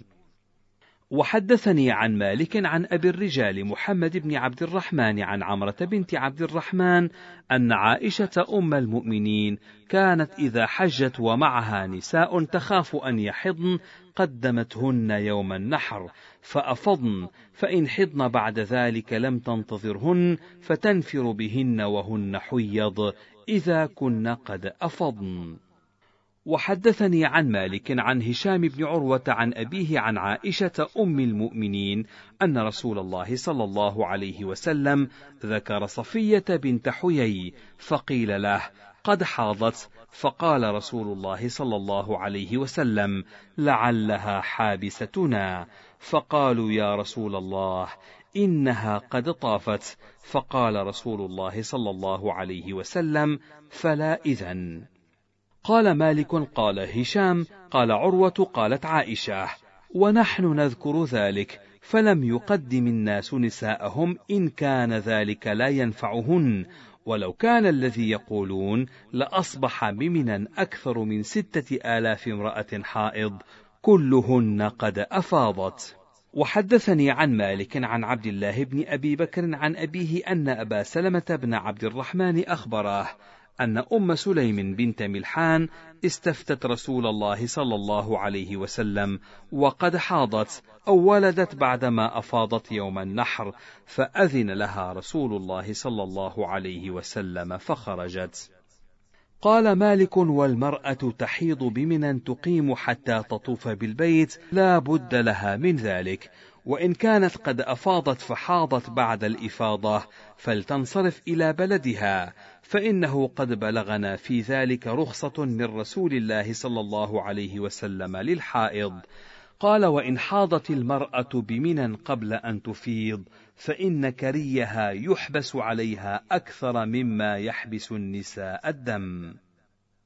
باب فدية ما أصيب من الطير والوحش. حدثني يحيى عن مالك عن أبي الزبير أن عمر بن الخطاب قضى في الضبع بكبش وفي الغزال بعنز وفي الأرنب بعناق وفي اليربوع بجفرة وحدثني عن مالك عن عبد الملك بن قرير عن محمد بن سيرين أن رجلا جاء إلى عمر بن الخطاب فقال إني أجريت أنا وصاحب لي فرسين نستبق إلى ثغرة ثنية. فأصبنا ظبيا ونحن محرمان فماذا ترى؟ فقال عمر لرجل إلى جنبه تعال حتى أحكم أنا وأنت. قال فحكما عليه بعنز فولى الرجل وهو يقول هذا أمير المؤمنين لا يستطيع أن يحكم في ظبي حتى دعا رجلا يحكم معه فسمع عمر قول الرجل فدعاه فسأله هل تقرأ سورة المائدة؟ قال لا. قال فهل تعرف هذا الرجل الذي حكم معي؟ فقال لا. فقال لو أخبرتني أنك تقرأ سورة المائدة لأوجعتك ضربا. ثم قال إن الله تبارك وتعالى يقول في كتابه يحكم به ذوى عدل منكم هديا بالغ الكعبة. وهذا عبد الرحمن بن عوف. وحدثني عن مالك عن هشام بن عروة أن أباه كان يقول: في البقرة من الوحش بقرة، وفي الشاة من الظباء شاة. وحدثني عن مالك عن يحيى بن سعيد عن سعيد بن المسيب أنه كان يقول في حمام مكة إذا قتل شاة. وقال مالك في الرجل من أهل مكة يحرم بالحج أو العمرة وفي بيته فراخ من حمام مكة فيغلق عليها فتموت. فقال أرى بأن يفدي ذلك عن كل فرخ بشاه. قال مالك لم أزل أسمع أن في النعامة إذا قتلها المحرم بدنه قال مالك أرى أن في بيضة النعامة عشر ثمن البدنة. كما يكون في جنين الحرة غرة عبد أو وليدة وقيمة الغرة خمسون دينارا وذلك عشر دية أمه وكل شيء من النسور أو العقبان أو البزاة أو الرخم فإنه صيد يودى كما يودى الصيد إذا قتله المحرم. وكل شيء فدي ففي صغاره مثل ما يكون في كباره. وإنما مثل ذلك مثل دية الحر الصغير والكبير فهما بمنزلة واحدة سواء. باب فدية من أصاب شيئا من الجراد وهو محرم. حدثني يحيى عن مالك عن زيد بن أسلم أن رجلا جاء إلى عمر بن الخطاب فقال يا أمير المؤمنين إني أصبت جرادات بصوتي وأنا محرم فقال له عمر أطعم قبضة من طعام. وحدثني عن مالك عن يحيى بن سعيد أن رجلا جاء إلى عمر بن الخطاب فسأله عن جرادات قتلها وهو محرم فقال عمر لكعب تعال حتى تحكم فقال كعب درهم. فقال عمر لكعب إنك لتجد الدراهم لتمرة خير من جرادة. باب فدية من حلق قبل أن ينحر. حدثني يحيى عن مالك عن عبد الكريم بن مالك الجزري عن عبد الرحمن بن أبي ليلى عن كعب بن عجرة أنه كان مع رسول الله صلى الله عليه وسلم محرما. فآذاه القمل في رأسه فأمره رسول الله صلى الله عليه وسلم أن يحلق رأسه وقال صم ثلاثة أيام أو أطعم ستة مساكين مدين مدين لكل إنسان أو امسك بشاة أي ذلك فعلت أجزأ عنك. وحدثني عن مالك عن حميد بن قيس عن مجاهد أبي الحجاج عن ابن أبي ليلى عن كعب بن عجراه أن رسول الله صلى الله عليه وسلم قال له لعلك آذاك هوامك. فقلت نعم يا رسول الله. فقال رسول الله صلى الله عليه وسلم احلق رأسك وصم ثلاثة أيام أو أطعم ستة مساكين أو انسك بشاه. وحدثني عن مالك عن عطاء بن عبد الله الخراساني أنه قال حدثني شيخ بسوق البرم بالكوفة عن كعب بن عجرة أنه قال جاءني رسول الله صلى الله عليه وسلم وأنا أنفخ تحت قدر لأصحابي وقد امتلأ رأسي ولحيتي قملا فأخذ بجبهتي ثم قال احلق هذا الشعر وصم ثلاثة أيام أو أطعم ستة مساكين. وقد كان رسول الله صلى الله عليه وسلم علم أنه ليس عندي ما أنسك به. قال مالك في فدية الأذى إن الأمر فيه أن أحدا لا يفتدي حتى يفعل ما يوجب عليه الفدية وإن الكفارة إنما تكون بعد وجوبها على صاحبها وأنه يضع فديته حيث ما شاء النسك أو الصيام أو الصدقة بمكة أو بغيرها من البلاد.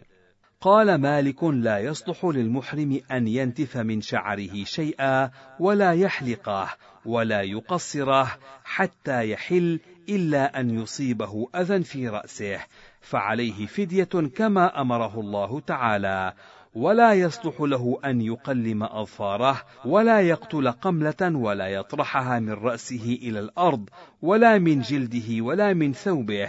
فإن طرحها المحرم من جلده أو من ثوبه فليطعم حفنة من طعام. قال مالك من نتف شعرا من أنفه أو من إبطه أو اطلى جسده بنوره أو يحلق عن شجة في رأسه لضرورة أو يحلق قفاه لموضع المحاجم وهو محرم ناسيا أو جاهلا إن من فعل شيئا من ذلك فعليه الفدية في ذلك كله ولا ينبغي له أن يحلق موضع المحاجم ومن جهل فحلق رأسه قبل أن يرمي الجمرة افتدى باب ما يفعل من نسي من نسكه شيئا.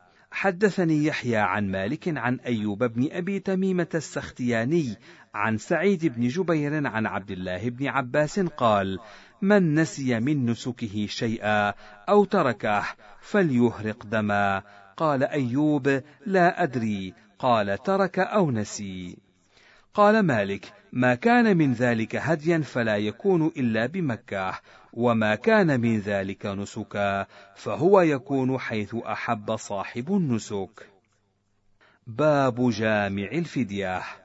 قال مالك في من أراد أن يلبس شيئا من الثياب التي لا ينبغي له أن يلبسها وهو محرم أو يقصر شعره أو يمس طيبا من غير ضرورة ليسارة مؤنة الفدية عليه.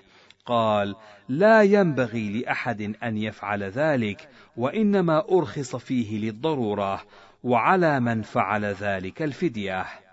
وسئل مالك عن الفدية من الصيام أو الصدقة أو النسك أصاحبه بالخيار في ذلك وما النسك وكم الطعام وبأي مد هو وكم الصيام وهل يؤخر شيئا من ذلك أم يفعله في فوره ذلك؟ قال مالك كل شيء في كتاب الله في الكفارات كذا أو كذا فصاحبه مخير في ذلك. أي شيء أحب أن يفعل ذلك فعل. قال وأما النسك فشاه وأما الصيام فثلاثة أيام وأما الطعام فيطعم ستة مساكين لكل مسكين مدان بالمد الأول مد النبي صلى الله عليه وسلم. قال مالك وسمعت بعض أهل العلم يقولون إذا رمى المحرم شيئا فأصاب شيئا من الصيد لم يرده فقتله إن عليه أن يفديه وكذلك الحلال يرمي في الحرم شيئا فيصيب صيدا لم يرده فيقتله إن عليه أن يفديه لأن العمد والخطأ في ذلك بمنزلة سواء. قال مالك في القوم يصيبون الصيد جميعا وهم محرمون أو في الحرم. قال أرى أن على كل إنسان منهم جزاءه. إن حكم عليهم بالهدي فعلى كل إنسان منهم هدي. وإن حكم عليهم بالصيام كان على كل إنسان منهم الصيام ومثل ذلك القوم يقتلون الرجل خطأ فتكون كفارة ذلك عتق رقبة على كل إنسان منهم أو صيام شهرين متتابعين على كل إنسان منهم. قال مالك من رمى صيدا أو صاده بعد رميه الجمرة وحلاق رأسه غير أنه لم يفض إن عليه جزاء ذلك الصيد لأن الله تبارك وتعالى قال وإذا حللتم فاصطادوا ومن لم يفض فقد بقي عليه مس الطيب والنساء. قال مالك ليس على المحرم فيما قطع من الشجر في الحرم شيء ولم يبلغنا أن أحدا حكم عليه فيه بشيء وبئس ما صنع. قال مالك في الذي يجهل أو ينسى صيام ثلاثة أيام في الحج أو يمرض فيها فلا يصومها حتى يقدم بلده. قال ليهدي إن وجد هديا وإلا فليصم ثلاثة أيام في أهله وسبعة بعد ذلك. باب جامع الحج. حدثني يحيى عن مالك عن ابن شهاب عن عيسى بن طلحة عن عبد الله بن عمرو بن العاص أنه قال وقف رسول الله صلى الله عليه وسلم للناس بمنى والناس يسألونه فجاءه رجل فقال يا رسول الله لم أشعر فحلقت قبل أن أنحر. فقال رسول الله صلى الله عليه وسلم انحر ولا حرج. ثم جاءه آخر فقال يا رسول الله لم أشعر فنحرت قبل أن أرمي. قال أرمي ولا حرج. قال فما سئل رسول الله صلى الله عليه وسلم عن شيء قدم ولا أخر إلا قال افعل ولا حرج. وحدثني عن مالك عن نافع عن عبد الله بن عمر أن رسول الله صلى الله عليه وسلم كان إذا قفل من غزو أو حج أو عمرة يكبر على كل شرف من الأرض ثلاث تكبيرات ثم يقول: لا إله إلا الله وحده لا شريك له، له الملك وله الحمد وهو على كل شيء قدير. آيبون تائبون عابدون ساجدون لربنا حامدون. صدق الله وعده ونصر عبده وهزم الأحزاب وحده. وحدثني عن مالك عن إبراهيم بن عقبة عن كريب مولى عبد الله بن عباس عن ابن عباس. أن رسول الله صلى الله عليه وسلم مر بامرأة وهي في محفتها فقيل لها هذا رسول الله صلى الله عليه وسلم. فأخذت بضبعي صبي كان معها فقالت ألهذا حج يا رسول الله؟ قال نعم ولك أجر. وحدثني عن مالك عن إبراهيم بن أبي عبلة عن طلحة بن عبيد الله بن كريز أن رسول الله صلى الله عليه وسلم قال ما رؤي الشيطان يوما هو فيه أصغر ولا أدحر ولا أحقر ولا أغيظ منه في يوم عرفة. وما ذاك إلا لما رأى من تنزل الرحمة وتجاوز الله عن الذنوب العظام إلا ما أري يوم بدر. قيل وما رأى يوم بدر يا رسول الله؟ قال أما إنه قد رأى جبريل يزع الملائكة. وحدثني عن مالك عن زياد بن أبي زياد مولى عبد الله بن عياش بن أبي ربيعة عن طلحة بن عبيد الله بن كريز أن رسول الله صلى الله عليه وسلم قال: أفضل الدعاء دعاء يوم عرفة، وأفضل ما قلت أنا والنبيون من قبلي: لا إله إلا الله وحده لا شريك له. وحدثني عن مالك عن ابن شهاب عن أنس بن مالك أن رسول الله صلى الله عليه وسلم دخل مكة عام الفتح وعلى رأسه المغفر فلما نزعه جاءه رجل فقال له يا رسول الله ابن خطل متعلق بأستار الكعبة. فقال رسول الله صلى الله عليه وسلم اقتلوه. قال مالك ولم يكن رسول الله صلى الله عليه وسلم يومئذ محرما والله أعلم. وحدثني عن مالك عن نافع أن عبد الله بن عمر أقبل من مكة حتى إذا كان بقديد جاءه خبر من المدينة فرجع فدخل مكة بغير إحرام. وحدثني عن مالك عن ابن شهاب بمثل ذلك. وحدثني عن مالك عن محمد بن عمرو بن حلحلة الديلي عن محمد بن عمران الأنصاري عن أبيه أنه قال عدل إلي عبد الله بن عمر وأنا نازل تحت سرحة بطريق مكة فقال ما أنزلك تحت هذه السرحة؟ فقلت أردت ظلها فقال هل غير ذلك؟ فقلت لا ما أنزلني إلا ذلك. فقال عبد الله بن عمر قال رسول الله صلى الله عليه وسلم إذا كنت بين الأخشبين من منى ونفخ بيده نحو المشرق فإن هناك واديا يقال له السرر به شجرة سر تحتها سبعون نبيا. وحدثني عن مالك عن عبد الله بن أبي بكر بن حزم عن ابن أبي مليكة أن عمر بن الخطاب مر بامرأة مجذومة وهي تطوف بالبيت فقال لها يا أمة الله لا تؤذي الناس لو جلست في بيتك. فجلست فمر بها رجل بعد ذلك فقال لها إن الذي كان قد نهاك قد مات فاخرجي. فقالت ما كنت لأطيعه حيا وأعصيه ميتا. وحدثني عن مالك أنه بلغه أن عبد الله بن عباس كان يقول ما بين الركن والباب الملتزم. وحدثني عن مالك عن يحيى بن سعيد عن محمد بن يحيى بن حبان أنه سمعه يذكر أن رجلا مر على أبي ذر بالربذة وأن أبا ذر سأله أين تريد؟ فقال أردت الحج. فقال هل نزعك غيره؟ فقال لا. قال فأتني في العمل. قال الرجل فخرجت حتى قدمت مكة فمكثت ما شاء الله. ثم إذا أنا بالناس منقصفين على رجل فضاغطت عليه الناس فإذا أنا بالشيخ الذي وجدت بالربذة يعني أبا ذر فلما رآني عرفني فقال هو الذي حدثتك؟ وحدثني عن مالك سأل ابن شهاب عن الاستثناء في الحج فقال أو يصنع ذلك أحد؟ وأنكر ذلك. سئل مالك هل يحتش الرجل لدابته من الحرم؟ فقال لا. باب حج المرأة بغير ذي محرم. قال مالك في الصرورة من النساء التي لم تحج قط إنها إن لم يكن لها ذو محرم يخرج معها أو كان لها فلم يستطع أن يخرج معها أنها لا تترك فريضة الله عليها في الحج لتخرج في جماعة النساء. باب صيام التمتع.